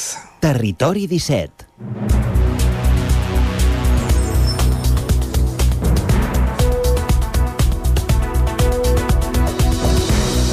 És moment de posar-nos al dia, és moment d'actualitzar-nos al territori 17 amb les notícies de les 10, les notícies del territori 17, les notícies del Vallès Oriental, l'Osona, el Ripollès, el Moianès i el Lluçanès, i ho fem en connexió amb les diferents emissores que dia a dia fan possible aquest programa, una Codinenca Ràdio Cardedeu, la veu de Sant Joan Ràdio Vic, el 9 FM, i també ens podeu veure a través de YouTube, Twitch, la xarxa Més i el nou TV. Per explicar-vos aquesta hora que ja s'ha presentat oficialment el programa de la Festa Major de Vic, que s'allargarà 14 dies i inclourà més d'un centenar d'activitats, entre els quals el concert de Doctor Prats a plaça Sergi Vives. A partir de dilluns, la ciutat tornarà a tenyir-se de verd, negre i vermell. Les festes dels colors, la negra dilluns, la vermella dimarts i la verda dijous seran l'avançala del primer gran acte del programa, la crida.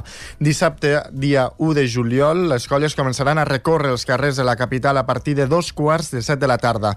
No serà fins les 9 del vespre, quan entraran a la plaça de la catedral. Una edició marcada preocupada pels canvis que anticipen una reformulació de la festa. Ho explica la regidora Bet Piella. Per exemple, el passeig estarà tallat a la circulació. En alguna ocasió ens havíem trobat que en el recorregut dels Verds doncs, hi havia dificultats amb la circulació. No hi haurà els dipòsits que posàvem que posàvem en aigua cada, eh, amb aigua a cada recorregut. Les cubes passaran al final de tot, després de la passa de la catedral. Hi haurà aquests petits canvis però això el que farà únicament és eh, doncs, millorar la crida i fer que tothom pugui gaudir-la al màxim. Els Doctor Prats seran els encarregats de posar música i color a la plaça en el que serà el concert de la vigília. Com és habitual, el dia 5 a les 9 del matí es farà la despertada musical. A un quart d'onze, la comitiva, encapçalada per la nova corporació municipal, sortirà de l'Ajuntament. A les 12, després de l'ofici, es donarà pas a la ballada de gegants, que per primera vegada inclourà una ballada de sardanes, una fórmula que permetrà commemorar un dels dos eh, aniversaris de l'any, el 75 de la la colla sardanista Riallera i els 25 dels Sagals d'Osona. Bet Piella. Els taloners de Doctor Prats seran el grup Gresca. Celebren els 10 anys i, per tant, per celebrar l'aniversari, doncs ho farem com es mereix l'ocasió, que serà aquí a la plaça Major, fent de taloners del Doctor Prats. Al tram final de la festa, qui agafarà les regnes del programa serà la comissió de la Festa Major Jove. Divendres, dia 7 de juliol, al carrer Sant Miquel acollirà la cronoescalada, que arriba a la desena edició. La pujada ciclista donarà pas a un altre dels clàssics de la festa, les barraques, que comptarà amb els concerts de les, salvatge, de les salvatges i Musca. El fi de festa serà diumenge, dia 9. Tancaran el programa la Cridòria, al Castell de Focs, i la Contracrida, a la plaça Gaudí. Gràcies, Sergi. Més qüestions. Ho explicava ara la Gemma a la tertúlia. El govern de Vigues i, i Riells del FAI perdó, serà una coalició entre Esquerra i el PSC, malgrat la majoria absoluta dels republicans. Tot plegat es va anunciar ahir, aquest mateix dijous, el mateix dia del ple del Carpetipàs. Roger Rams, Ona Codinenca. Sí, malgrat els republicans van obtenir majoria absoluta amb 7 regidors de 13 a les passades eleccions, segons explica el seu cap de llista, Joan Galiano, han volgut apostar per fer un govern més ampli i per això han mantingut converses amb totes les formacions del consistori i els han ofert entrar al govern a totes. L'única que ha acceptat, però, ha estat el Partit dels Socialistes. Escoltem, Joan Galiano, cap de files dels republicans. Nosaltres cada vegada que hem tingut eh, la responsabilitat de governar hem procurat fer una ronda de converses amb totes les formacions polítiques i veure qui d'ells pues, volia donar un, un cop de mà o volia fer un pas endavant i, i formar part de l'equip de govern. I aquesta vegada hem fet exactament el mateix. Hem oferit la possibilitat d'entrar de, a govern tant a Junts com a Llavir com al PSC i en aquest cas el PSC és el que s'ha mostrat més disposat a, a treballar amb nosaltres. La frase exacta que vam fer servir en el seu moment va ser que sabien que no eren necessaris, però sí que volien ser útils. Per la seva banda, els socialistes van obtenir dos regidors, Joan Moreno i Laura Fabián, que seran els que s'incorporaran a l'executiu. En el cas de Moreno ostentarà les regidories d'obra pública, serveis i manteniment, a més d'una tinença d'alcaldia, mentre que Fabián serà la titular de noves tecnologies, administració electrònica i transparència. El, el líder socialista Joan Moreno valora positivament aquest gest d'Esquerra. Ho valorem molt positivament pel fet de que, evidentment, aritmèticament no ho necessiten. No? Ja configuren una majoria que podria ser més que suficient per tirar endavant el seu programa, però el fet que això sigui d'aquesta forma i que Esquerra Republicana doncs, hagi mostrat amb, amb voluntat de diàleg, crec que també ho vaig manifestar, que ara toca demostrar una altra manera de fer política. No? A mi una, una de les coses que més m'amoïna és que jo no, no treballo només pel PSC o per la gent que vota al PSC. Volem treballar per la gent del PSC, la d'Esquerra, la de la resta de formacions i sobretot ens amoïna molt perquè volem treballar per la gent que no va baixar a votar, que, que va ser més de la que va venir a votar. Tot plegat es va formalitzar ahir en el ple extraordinari de Cartipàs, en el qual també es van donar a conèixer la resta de càrrecs d'aquest futur d'aquest actual govern. Canviem de plana, deixem enrere la plana política i obrim la plana dels aniversaris, perquè la xarcuteria Solà de Vic celebra 130 anys. Va obrir les portes l'any 1892 i ha anat passant per diverses mans, però totes elles de la mateixa família, diverses generacions de la mateixa família Solà. Sergi, vives. Si bé a l'inici a la, a la xarcuteria s'hi podia comprar de tot tot tipus amb el pas dels anys, amb l'arribada de les grans superfícies comercials, calia modernitzar-se per tenir al taulell tot allò que la clientena no pogués trobar als supermercats. Això repassa el seu propietari Joan Sora. Al principi era, era molt més com, com un tipus d'abans, colmado i així, i de mica en mica ens vam anar modernitzant, els meus pares ja van fer un gran pas en reformar la botiga i llavors vam anar deixant de fer coses que ja hi havia als supermercats i vam començar a especialitzar-nos en coses de xarcuteria i hem anat, ens hem anat modernitzant i, i la veritat és que ha anat molt bé i, i hem, estem aquí, de moment ja som aquí. La xarcuteria Solà és una de les pioneres en abaixar la persiana a les 7 de la tarda, una hora abans de l'habitual. Des de l'any 2018 tanquen en aquest horari i, segons el propietari, serveix per millorar la conciliació familiar. Tots tenim fills, el personal també tenen de tenir un espai una mica més, més lliure i vam decidir tirar-nos a la piscina i dir provem-ho, a veure què passa no? i la veritat és que ha estat un èxit o sigui, no, no tornaríem pas enrere perquè hem guanyat amb, amb, una, amb una qualitat de, de, de vida diguéssim, no? perquè tenim més, més temps més lleure i està molt bé, està molt bé La principal incertesa és el relleu generacional a la botiga. Sigui com sigui, amb relleu a la generació de xarcuters o no, ara per ara toca estar de celebració i desitjar poder sumar-ne com a mínim 130 anys més. I més celebracions. A Torelló segurament tothom ha anat algun cop a la vida a comprar a la merceria Lourdes. Aquest dimecres l'establiment va fer 45 anys. Betes, fils, passamaneria, botons, cinta, roba interior, mitges i aquest dimecres, entremig de tot plegat, també coca, xocolata i cava per celebrar que l'emblemàtica Merceria Lourdes del carrer Cap de Capsavila de Torelló fa 45 anys. Per això les clientes habituals hi passaven per felicitar les responsables. Lourdes pa Palmo Palmarola i la seva germana Montse van obrir l'establiment el 21 de juny de 1978. Al llarg de 45 anys hi ha hagut canvis, tant de modes com de maneres de fer dels qui van a comprar.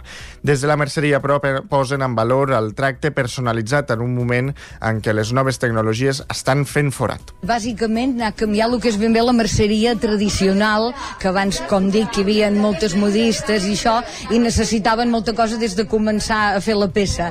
Ara és diferent, inclús doncs, hi ha molt jovent que, gràcies que s'han posat a cosir, el que fan és tonejar-se les coses.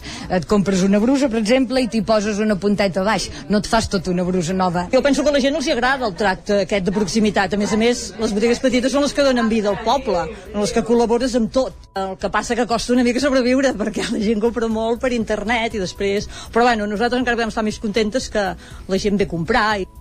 La merceria Lourdes va posar fil a l'agulla fa quatre dècades i mitja i encara els queda cap d'ell per desfilar durant molts anys més des de darrere el taulell poeta qui ha escrit aquesta peça. Molt bé, moltes gràcies, Sergi. Més qüestions.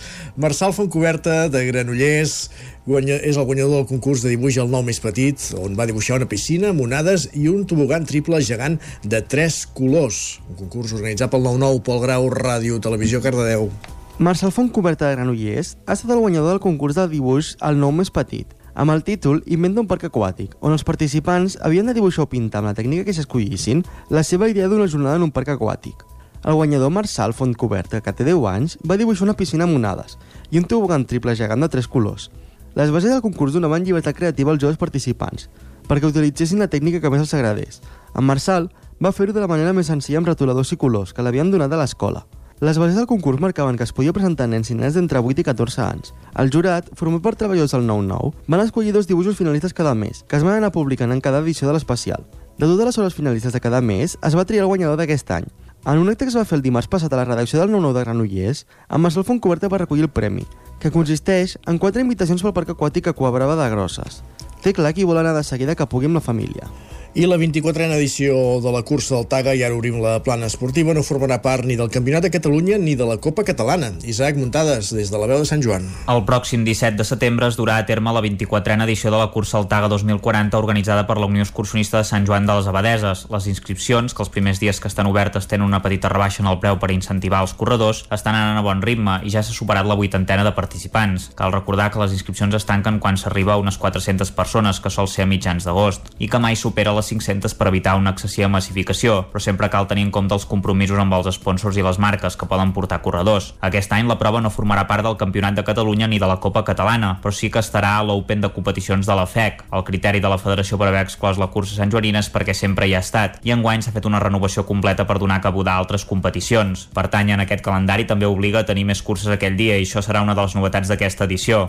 Ho explicava el director de la prova, Albert Ramoneda. El que sí que t'obliga la FEC, diguem, és a tenir X recorreguts per X categories. Llavors, eh, per exemple, l'any passat teníem la infantil, que no era la Taga Kids, era una cursa infantil el mateix diumenge, que aquesta es fa una mica de mal fer perquè no vam aconseguir trobar un recorregut circular que pogués aprofitar el recorregut de les altres, com ha fet sempre. Llavors, era una cursa que era una mica més difícil d'organitzar i aquesta aquest any no la farem. I també n'hi havia una intermitja de 12,5 quilòmetres, que l'any passat ja no vam fer, però fa dos sí, que tampoc no acabava d'anar bé, no encaixava per uns recorreguts molt macos i tampoc la farem aquesta. Per tant, la prova tindrà els seus tres recorreguts clàssics. Hi haurà el de 28 km i 2.000 metres de desnivell positiu que puja fins al cim del Taga i que passa també pel Puig Estela i Sant Amant. El de 15 km, conegut com el de Can Camps i amb 900 metres de desnivell positiu que passa per aquesta collada. I finalment el recorregut de Coll d'Art amb 9 km i 500 metres de desnivell positiu. Finalment hi haurà la Taga Kids que es farà dissabte. Una altra de les novetats és la de la zona d'animació, que segurament no s'ubicarà a Coll de Jou, ja que Ramoneda explicava que es tracta d'un lloc molt obert i fa la sensació que no es fa massa pinya, tot i que va anar-hi molta gent. La idea és acostar-ho del poble. Els socis de la Unió Excursionista de Sant Joan de les Abadeses tindran un obsequi pels corredors locals i hi haurà podis per totes les curses i categories. De totes maneres, l'activitat més propera de l'entitat serà el pròxim 1 de juliol amb la cursa d'obstacles Vol d'Àguiles.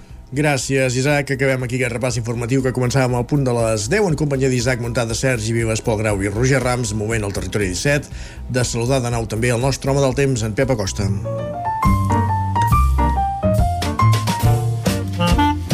Casa Terradellos us ofereix el temps. Perquè volem saber quin temps farà en aquest llarg cap de setmana que comença avui amb la nit de la Rebella de Sant Joan. Pep Acosta, benvingut de nou, bon dia. Quin temps farà avui? Avui serà un dia molt semblant al d'ahir, però amb molts menys núvols eh, a la tarda. Eh, molt de sol, mm, temperatures entre els 25 i els 30 graus de majoria màximes i molt, molt de sol. Algun núvol, algun núvol a la tarda per fer bonic, molt, molt poca cosa. I és que aquest mateix temps el tindrem tant dissabte com diumenge, amb unes temperatures que pujaran una mica més, la majoria màxima és entre els 27, 28 i 31, 32 graus a tot estirar. Un cap de setmana molt tranquil, molt de sol, eh, temps de platja, temps de piscina, el que, el que us més us agradi. I, i només alguna nuvolada a la tarda, molt poc destacable, eh, nuvolades molt inofensives, que no deixaran cap, cap precipitació. En definitiva, un temps, com deia, uh, d'estiu, d'estiu amb molt poca uh, molt pocs canvis i molt poc uh, destacable els canvis que hi haurà ni de bon tros, una de calor no serà la calor d'anys passats, sinó una calor suportable, una calor normal, una calor que és la que toca per aquests dies, eh? No, és que ha de fer calor, vull dir, estem ja en ple estiu, els dies encara són molt llargs, eh, impossible que no faci calor, a més farà molt de sol. Uh, I això és tot, uh, que tingueu molt bona verbena i que tingueu un gran uh, cap de setmana, uh, molt a compte de carretera, els que es mouen, i això, a disfrutar de, del temps, a qui li agradi el sol, perfecte, a qui no li agradi eh, no tan perfecte, i a qui li agradi la verbena també molt bé, i a qui no li agradi, pues, pues, pues és, és, és el que hi ha, no hi ha, no hi ha altra cosa. Uh, I això, eh, perquè fa el temps això, eh, uh, un temps ideal, per anar a la platja, per anar a la piscina, un temps perfecte per disfrutar d'aquesta verbena aquesta nit i per disfrutar aquest cap de setmana que molta gent té moltes ganes de, de celebrar-ho. Vinga, moltes gràcies, fins aviat, adeu. Fins dilluns, Pep, bona rebella i bona dia de Sant Joan també, gràcies, bon cap de setmana. Casa Tarradellas us ha ofert aquest espai. Passa mig minut d'un quart d'onze del matí.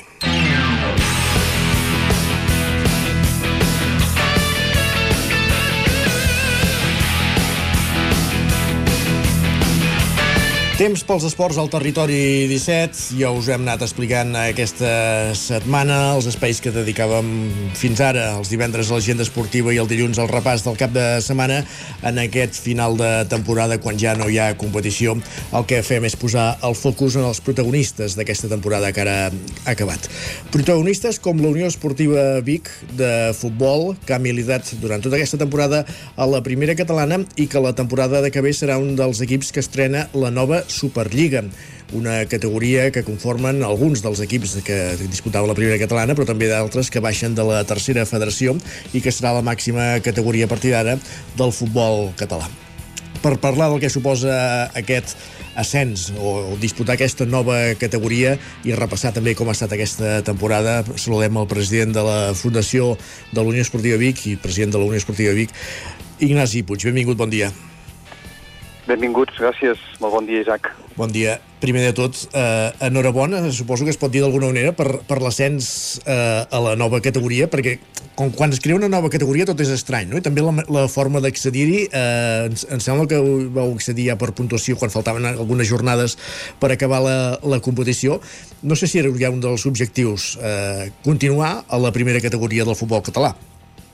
Sí, sí, sens dubte. És a dir, nosaltres en el moment de dissenyar la plantilla i, i el projecte esportiu d'aquesta temporada, l'objectiu era sobretot no quedar-nos a la primera catalana, perquè el fet de crear aquesta nova divisió doncs implicava que conservar la categoria implicava com, com de facto baixar-ne una. Eh? I per tant creiem que pel projecte que portàvem a terme, pel, per la història de la ciutat, del, del, del club i per la trajectòria de la ciutat, doncs que el Vic mereixia, mereixia un ascens. La nostra il·lusió segueix sent pujar el club a tercera divisió, però, però en qualsevol cas eh, el premi de la Superliga o la Lliga Elit, com diuen que, que la denominaran a partir d'ara, doncs ens sembla, ens sembla molt oportú. I a més a més, per, jo crec que hi havia dos elements de context que, que ens hi, que ens hi empenyien una mica. D'una banda, el fet de ser la culminació dels actes del centenari i de l'altra banda doncs, el fet que una persona com en Ramon Carrascal, que suposo que en parlarem, doncs, eh, fos el que dirigís eh, des de la banqueta l'equip. No? Uh -huh. De fet, sí, ara volíem anar a la figura d'en Ramon Carrascal abans, però un últim apunt, eh, aquest ascens matemàtic a la nova categoria, la Superliga, o aquesta divisió d'elit que ara comentàveu, eh, es produïa el mes de maig, el, 20, el cap de setmana del 20 de maig, després de guanyar el camp de, del Lloret. Eh, suposo que era allò, el, aquest, aquest dia va ser el punt d'inflexió, el dia de, de, de l'esclat d'eufòria de tot plegat, no? Sí, sens dubte. És a dir, veníem de dos partits a casa en els quals ja haguéssim pogut certificar matemàticament l'ascens, ens vàrem enfrontar amb rivals com el Palamós i com el Parets i sense restar-los mèrits a, a cap d'aquests dos equips perquè van guanyar, diguem-ne, per mèrits propis el, els dos partits, però vàrem ensopegar dos partits a casa, em sembla que tots dos per 0 a 1. Uh, I per tant això ens obligava a anar a puntuar o a guanyar, ser possible, en un camp molt complicat com és el del Lloret. El Lloret és un equip molt assentat a la primera catalana, que també també ha pujat a, en aquesta Lliga Èlit, és un equip que fa molts anys que segueix un, un projecte esportiu i un, i un estil de joc a partir d'un entrenador molt ofensiu com l'Albert Vallosada i per tant era molt complicat anar a puntuar Lloret i ho vàrem fer. De fet, em sembla que hem acabat la Lliga com el millor equip fora de casa. Per tant, bé, eh, aquesta regularitat, sobretot fora de casa, doncs és la que ens va donar l'ascens matemàtic i per descomptat que va ser en fi, una, tarda, una tarda molt emotiva. Uh -huh. S'ha de tenir en compte que la Unió Esportiva Vic no pujava de categoria des de feia 11 o 12 anys, si no ho recordo malament, però l'última vegada que va aconseguir aquest ascens, és a dir, fa 11 o 12 anys, va ser a partir de la fusió amb l'aigua freda. Per tant, va ser més un ascens administratiu que no pas un ascens eh, guanyat en el, en el camp, en el terreny de joc, que és el que al capdavall als esportistes ens agrada, no? Està clar. Per tant, estaríem parlant d'un ascens certament històric, evidentment fruit d'una reestructuració del futbol català, però que, però que en tot cas és un ascens que s'ha guanyat eh, a base de, de, de sacrifici i de, i, de, i de ser millors que la majoria dels rivals. Està clar. I abans ho apuntaves, qui ha tingut un paper important en, en tota aquesta gesta és l'entrenador a principis de temporada, doncs, a finals de la temporada passada, diguéssim, qui assumia el rol d'entrenador és una figura molt coneguda a la casa, que ha fet tots els papers de l'hockey, que en diem tots, volem dir tots, des de, des de jugador de la base de molt petit, i ha anat progressant al club, va jugar amb el primer equip, va ser el capità del primer equip, i un cop retirat, eh, ara s'asseu a la banqueta com a entrenador. Estem parlant de, de Ramon Carrascal, no sé si podem dir que és la, la figura ideal de, per, aquest, per aquest Vic, i més vist els resultats en aquesta seva primera temporada a la banqueta. Sí, uh, sens dubte, sens dubte. Jo, jo crec que aquí hi havia uh, molts elements, diguem-ne, a tenir en compte, no? És a dir, uh, en Ramon, molt probablement, és el personatge més important de la història del Vic en el segle XXI i en el conjunt d'aquesta història centenària doncs, deu ser un dels tres més importants eh, d'aquesta història. Per tant, eh, en compte quan parlem d'un personatge eh, amb, aquesta, amb aquesta trajectòria i amb, aquesta, i amb aquest calat.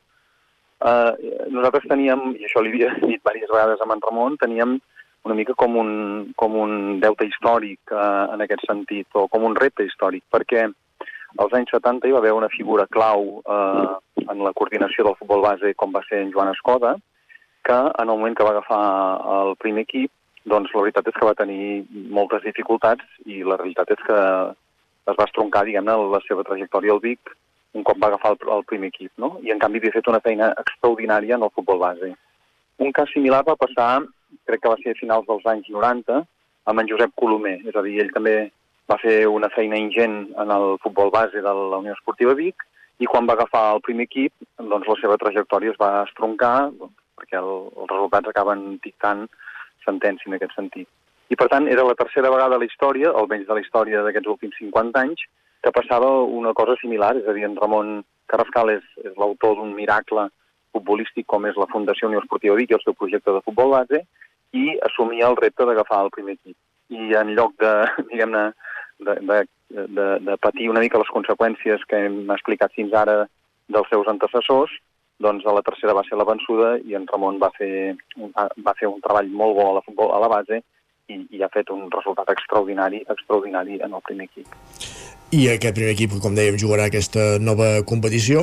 Eh, entenc que ja s'està començant a planificar la, la temporada per l'any vinent, hi ha d'haver molt eh, incorporacions noves per mantenir un projecte eh, eh, competitiu en aquesta nova categoria i assolir aquest objectiu que comentàveu abans d'arribar a la tercera federació? Sí, és a dir, ara estem en una situació d'impàs perquè estem en, en un procés electoral eh, els estatuts i la llei de l'esport marcava que ara hi havia d'haver-hi eleccions i, per tant, estem en aquest, en aquest procés. Nosaltres tenim intenció i il·lusió per continuar tirant endavant aquest projecte. Sí que necessitem que, que l'Ajuntament de Vic doncs, estigui al nostre costat i en aquest sentit estem conversant amb ells per, per, per fer-ho possible. I, I, efectivament, és a dir, esportivament el repte de la Unió Esportiva Vic és estar a la tercera divisió, no ens fixem terminis perquè sabem que en això de l'esport eh, fixar-se terminis a vegades és contraproduent, però també és veritat que nosaltres un cop ens assentem en aquesta nova categoria eh, aspirem a ser un dels candidats a pujar, a pujar a la tercera federació.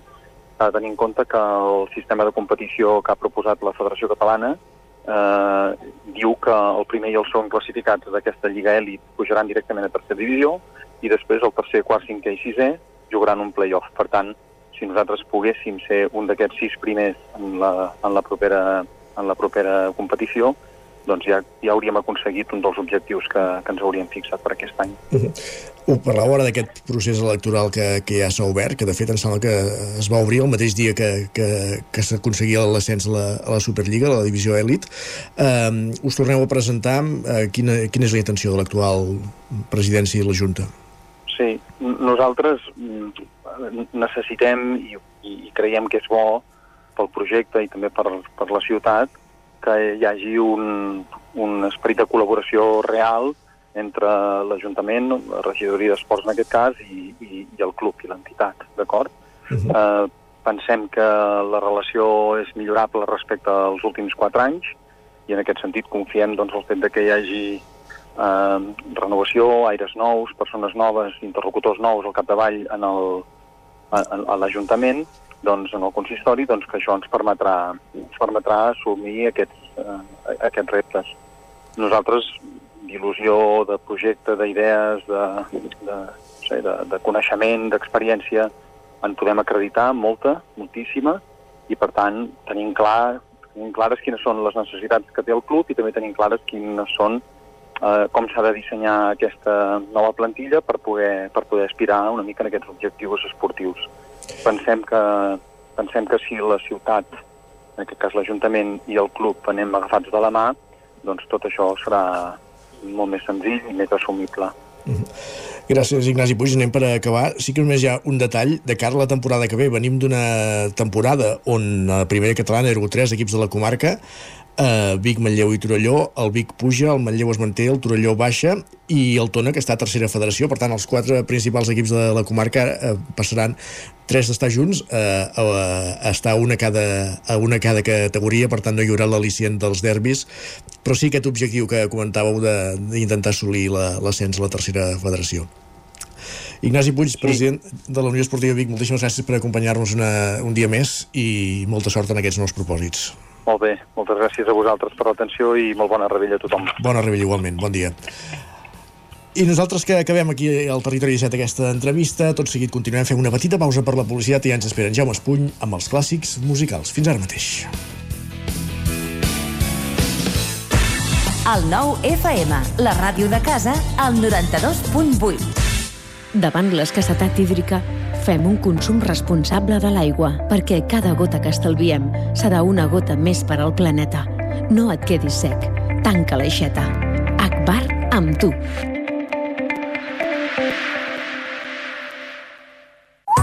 Per moure't, lloga un cotxe ALR. Per moure la família, lloga un minibús ALR. Per moure coses, lloga una furgoneta ALR. Per moure la casa, lloga un camió ALR. Lloguer de cotxes, furgonetes i camions ALR. Ens trobaràs al carrer Francesc Sant Climent 83 de Vic i també a Olot i Manresa. Informa't en el 93 888 60 57 o bé consulta el web alr.cat. A Bailen sabem que quan té una avaria a la seva caldera vol una solució ràpida. Truqui al servei tècnic oficial Bailen i els nostres tècnics vindran ràpidament a solucionar-li el problema. A més, si canvieu ara la caldera, us regalem fins a 250 euros. Truqueu al 910 77 88 77 o entreu a bailen.es. Si tens pensat canviar la caldera o posar aire condicionat, posa't en mans de Pradell. Tenen les millors ofertes. Pradell instal·la calderes de biomassa, calderes de condensació, aire condicionat tant per a particulars com per a empreses. Apunta, Pradell, Avinguda Països Catalans, número 27 de Vic. Telèfon 93 885 11 97. Repetim, 93 885 11 97. Aquest estiu vine a viure al Festival Macroclima a Camprodon. Miqui Núñez, Blaumut, Helena Gadel, Mishima, Pau Ballvé i molts més us esperen en un entorn immillorable. També concerts pels més petits amb Xiula i Damari Gelabert, l'humor de Quim Esferrer i una àmplia oferta de gastronomia de la vall. Compra ja la teva entrada i vine a Camprodon a gaudir del macroclima. Ser a prop vol dir veure les coses més bé. Apropa't al que t'interessa amb la xarxa Més. La teva plataforma audiovisual de qualitat, proximitat i gratuïta.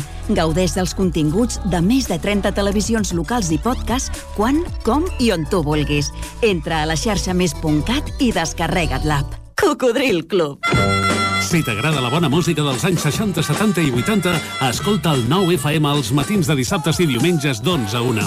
És el temps del Cocodril Club, tot un clàssic de la ràdio, amb les bases del pop-rock, les llegendes, les cançons que s'han convertit en autèntics himnes. Recorda, dissabtes i diumenges al matí, d'11 a 1, al 9 FM 92.8. Cocodril Club, el programa revival de l'Albert Malla.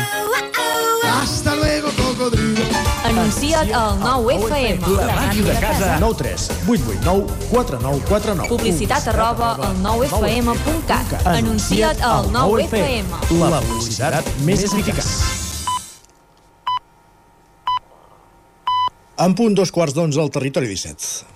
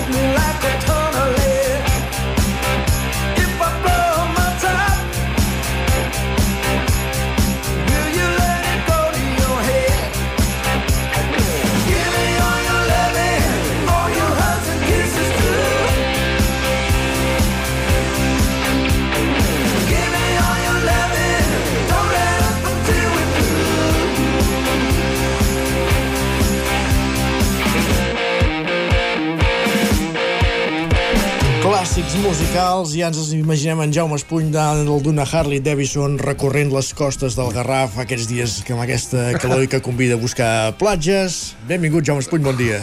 Molt bon dia, està molt bé, però no ha passat això. No passat, no, no tinc a Harley Davidson. Ens ho imaginem, amb la música que ens portes avui. Sí, amb el ZZ Top, un grup nord-americà, nord-americà, eh, no, no sé si l'havies vist mai, en algun lloc, amb aquelles llargues barbes. Sí, de Harley Davidson. Eh, el Harley Davidson, Segurament per la, la, cotxes... la costa californiana més que les costes del Garraf, però bueno, però sí. vestits, de, vestits de cowboys.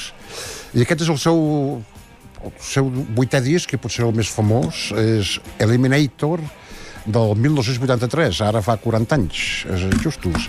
Estem sentint la primera cançó, que sona forta, que va, ser un èxit, Give Me All Your Loving, i què feia, quina música feien? Doncs blues rock, boogie rock, digue-li com rock sureny també, tota una barreja eh, potent, però eh, aquí van canviar una, en aquest disc, a partir d'aquest disc van canviar i es van, es van fer rics, a més, eh, perquè van vendre molt, eh, van, perquè van posar una mica de, de, sinte, de sentit, sintetitzadors i bateria electrònica. Carai. I sona una mica discotequer, una mica discotequero, vaja. Això n'hi dius discotequer, tu? Eh? Això n'hi dius discotequer? Sí, sí, sí. Van, Fa, fa anys que no vas a una discoteca, eh? No, ja, d'acord, d'acord. Però, no, no, sona música disco dels anys, dels anys 70, finals dels 70, Molt bé. un- una mica, eh? No, no del tot, però una miqueta. Era, és una mica diferent del principi d'ells. Uh, sentim una que eh, tampoc sona a discoteca, diràs que no sona a, a disco, però bueno. Uh, Sharp Dresser Man. Clean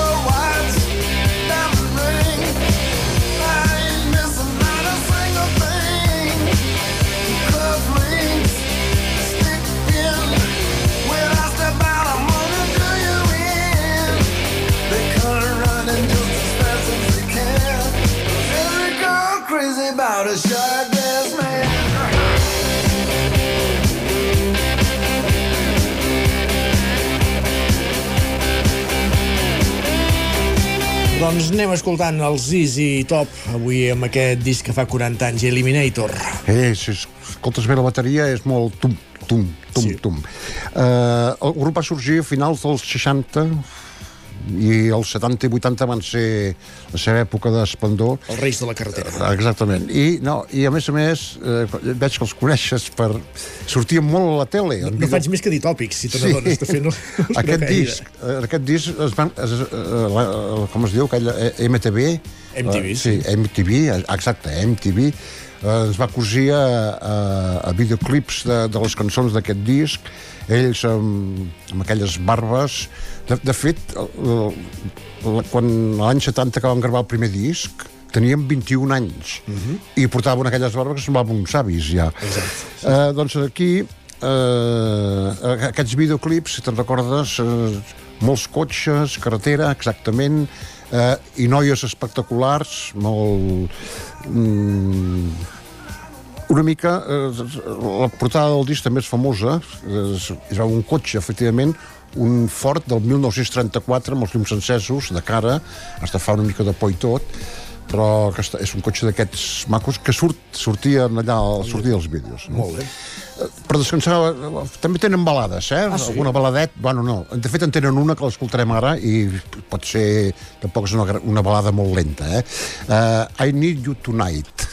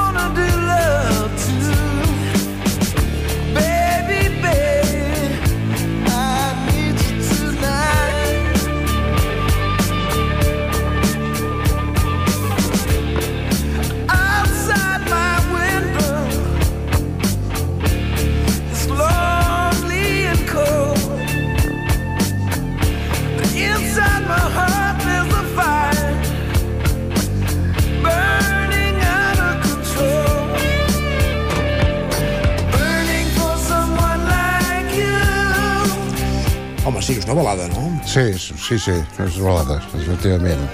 Eh, I que- maca, també, val. El guitarrista...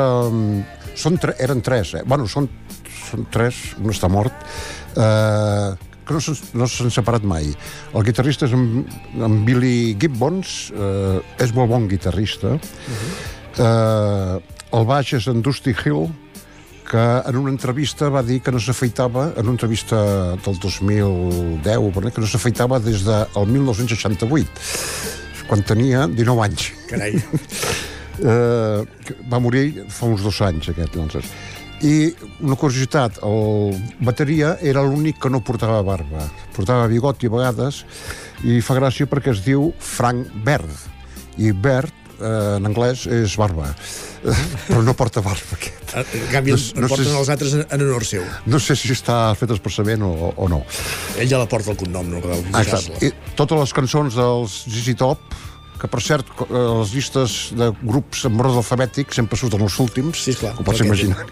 Eh, doncs totes les firmen ells tres, i és un grup que en, en els 50 més de 50 anys que fa que duren, fins que es va morir el, el Dusty Hills, no havien canviat mai de, de component, sempre ha sigut els tres mateixos, que una cosa força difícil, Sí, sí. força difícil en el rock, no? Uh, escoltarem, per acomiadar-nos, una cançó que es diu Lex, Cames, i suposo que refereixen a les cames que es veuen als vídeos de les noies amb minifalda per allà. Són vídeos d'aquells que avui no passarien alguns filtres. Uh, bé, potser no. Eh, Sempre tinc por que em diguin, ostres, que... no, no, és així. Vull dir, sortien unes noies espectaculars ensenyant les cames.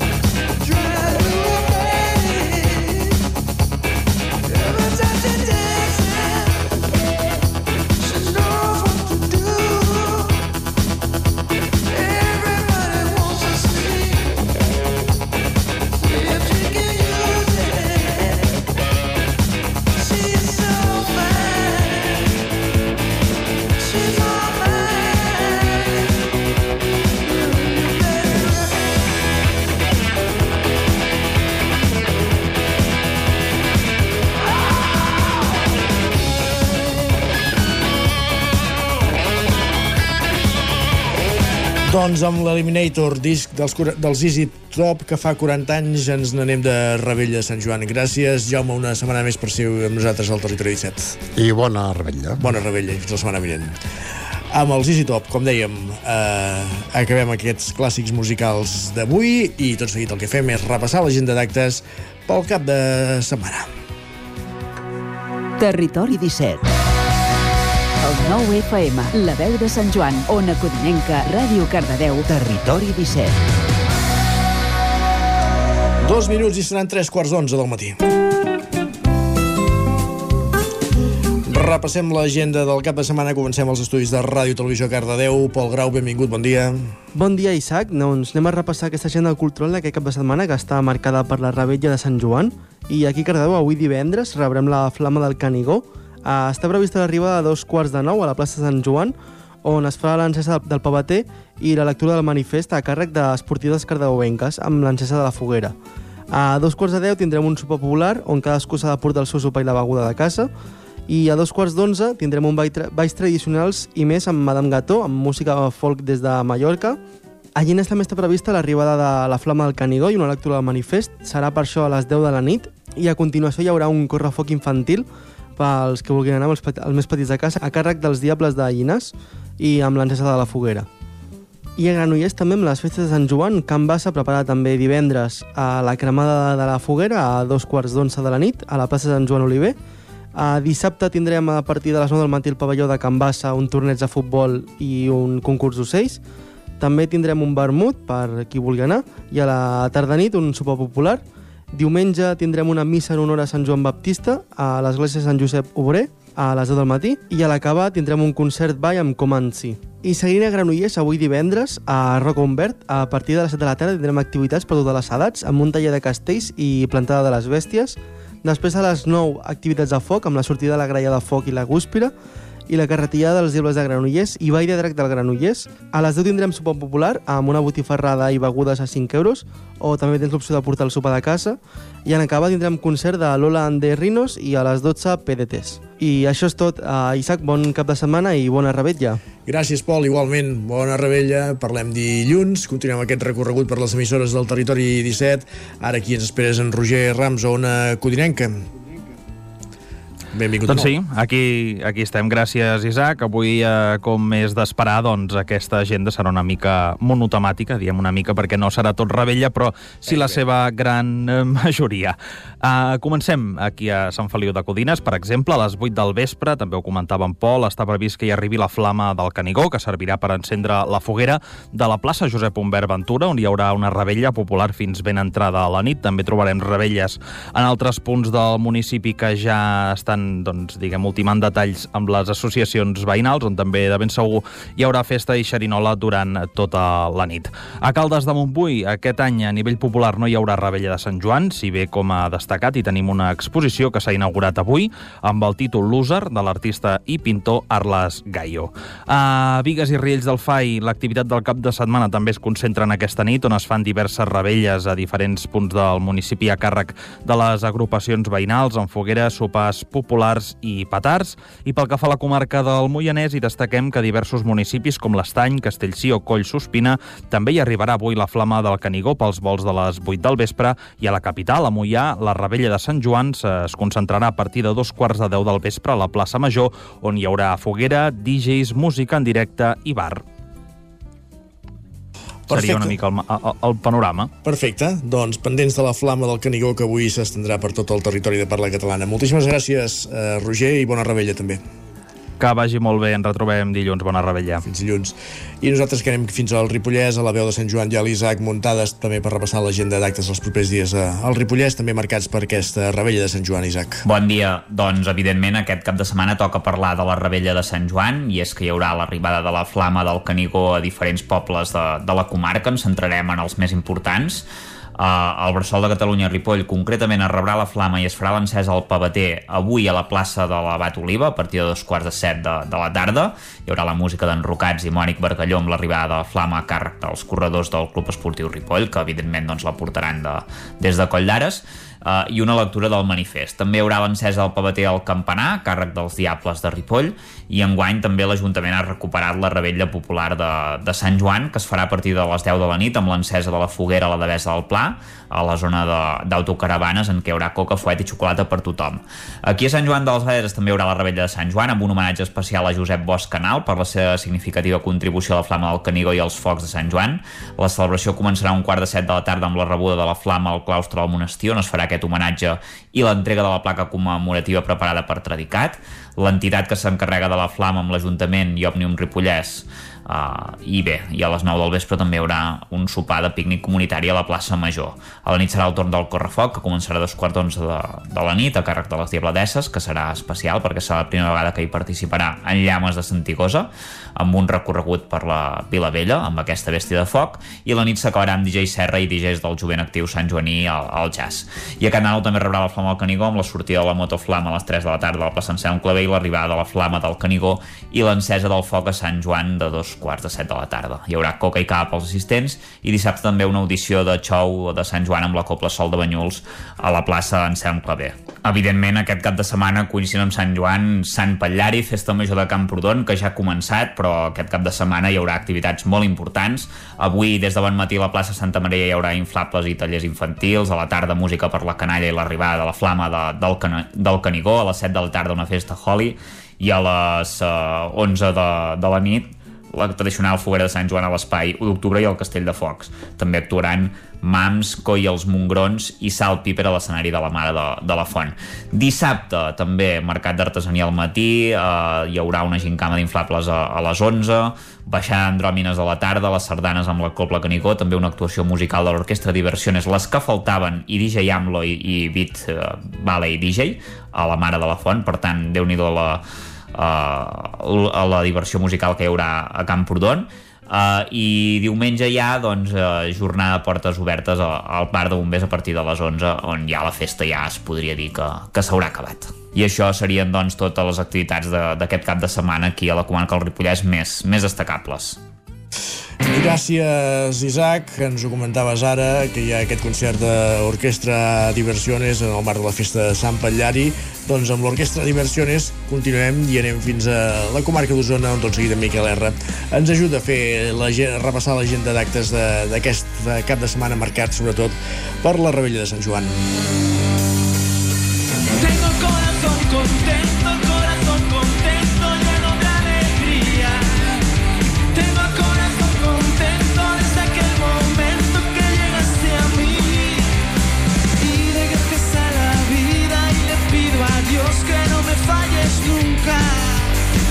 Yo quisiera que sepas que mi vida es así, que mi vida comienza cuando te conocí. Doncs què, avui a ballar diversiones, eh, Miquel? Bon dia. Doncs sí, dissabte al vespre a ballar diversiones a Camprodon per rematar la festa major, que de fet a Camprodon eh, ja, ja, va, ja va començar pròpiament dimecres la festa major i acaba ja eh, amb recta final, dissabte últim dia potent i diumenge ja diguéssim a, a les últimes, el, el, el que aguanti tindrà, tindrà les últimes escorrielles. Eh, recordar això, no, agafar el fil una mica que, que ens comentava l'Isaac de la Flama del Canigó, recordar que ja a les 6, quarts de 7 del matí ja ens ha arribat a primera hora de, a dalt a, a Molló, sí. l'antic pas fronterer, que s'ha anat consolidant això, no?, com la porta principal d'entrada de, de la Flama al Principat. Um, hi ha actes durant tot el matí, en territori ripollenc, i serà a partir de les 4 de la tarda eh, quan, quan pròpiament arriba també la flama procedent del Castellet de Perpinyà i a partir d'aquí els diferents equips de foc que repartiran pràcticament, eh, cada any arriben a tots els municipis d'Osona Ri- eh, i també del Lluçanès i el Moianès. Recordem-ho que cada una mica cada municipi té preparada la seva rebuda o vincula la rebuda de la flama generalment amb una foguera i hi ha alguns municipis que a més a més ho, ho acaben d'amenitzar amb, amb pròpiament rebelles populars no? Eh, podríem citar-ne algunes per exemple qui vagi a Balanyà a partir de les 10 del vespre allà al pàrquing de l'antic Caribú eh? això Sí? és, és molt, molt boomer parlar del Caribú però forma part d'una època I això s'acaba de fer fogueres allà perquè l'Ajuntament té molt clar que allò s'ha d'urbanitzar i que ha de ser Que- el nou sí, centre, sí, sí. el centre, el que ha d'aglutinar tot el poble, De aquest fet, espai. correcte, l'espai fa temps que està, diguéssim, condemnat o sentenciat per, per, per edificar i per urbanitzar-ho. Eh?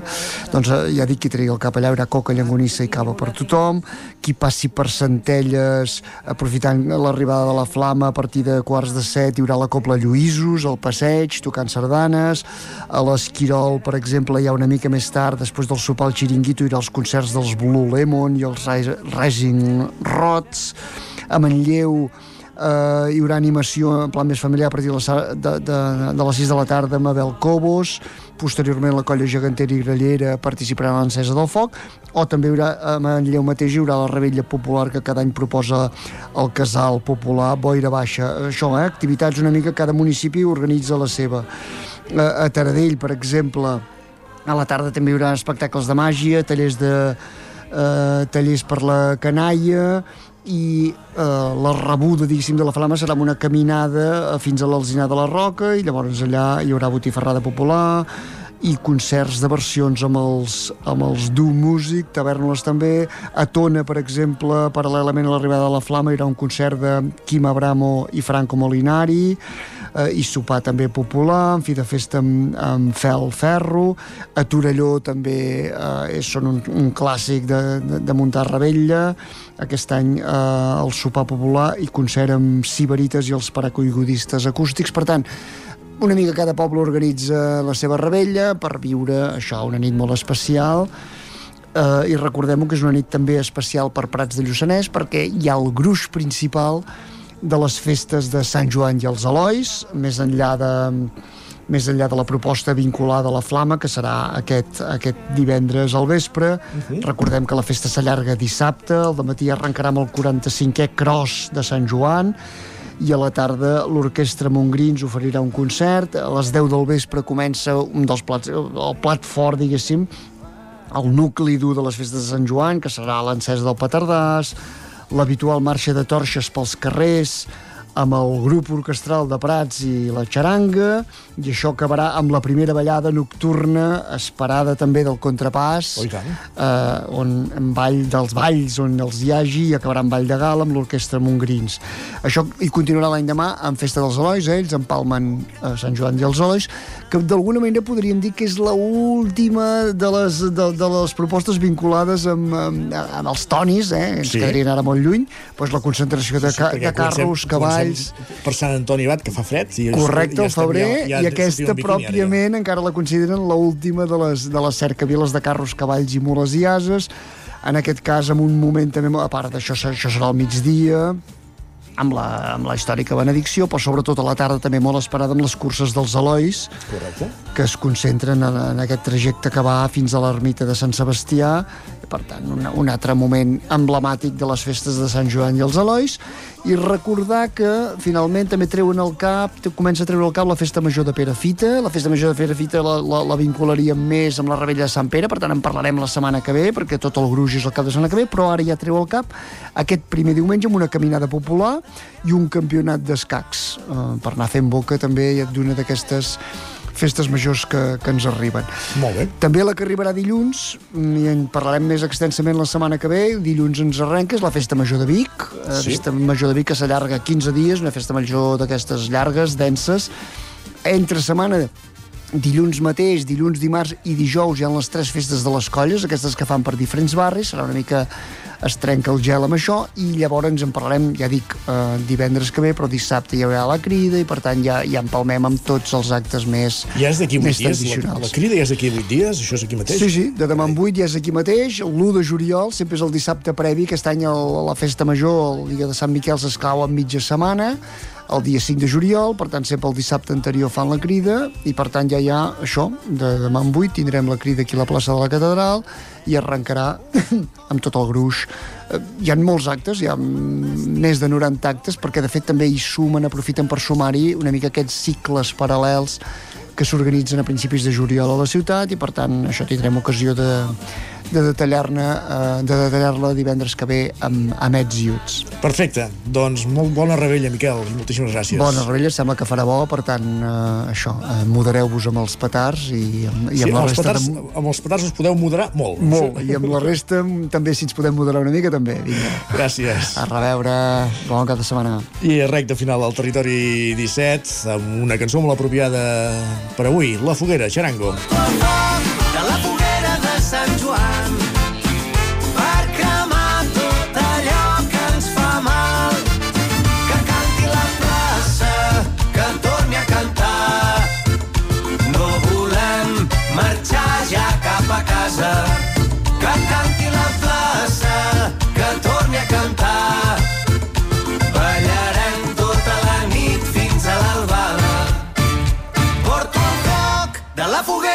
Sant Joan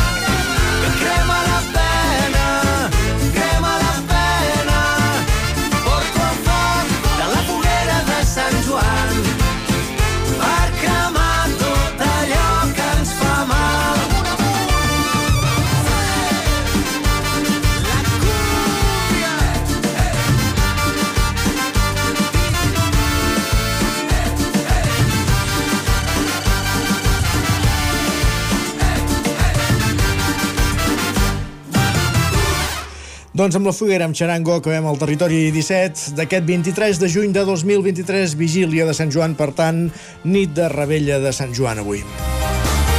Us hem acompanyat des de les 9 del matí en aquest territori 17, la Gemma Promenyer, la Txell Vilamala, en Carles Fiter, en Pep Acosta, en Pol Grau, en Roger Rams, en l'Isaac Montades, en Jaume Espuny, en Miquel R, Sergi Vives i Isaac Moreno. I tornem dilluns, l'equip del Territori 17. Fins aleshores, moltes gràcies per ser-hi, bon cap de setmana a tothom i molt bona rebella. Adéu-siau.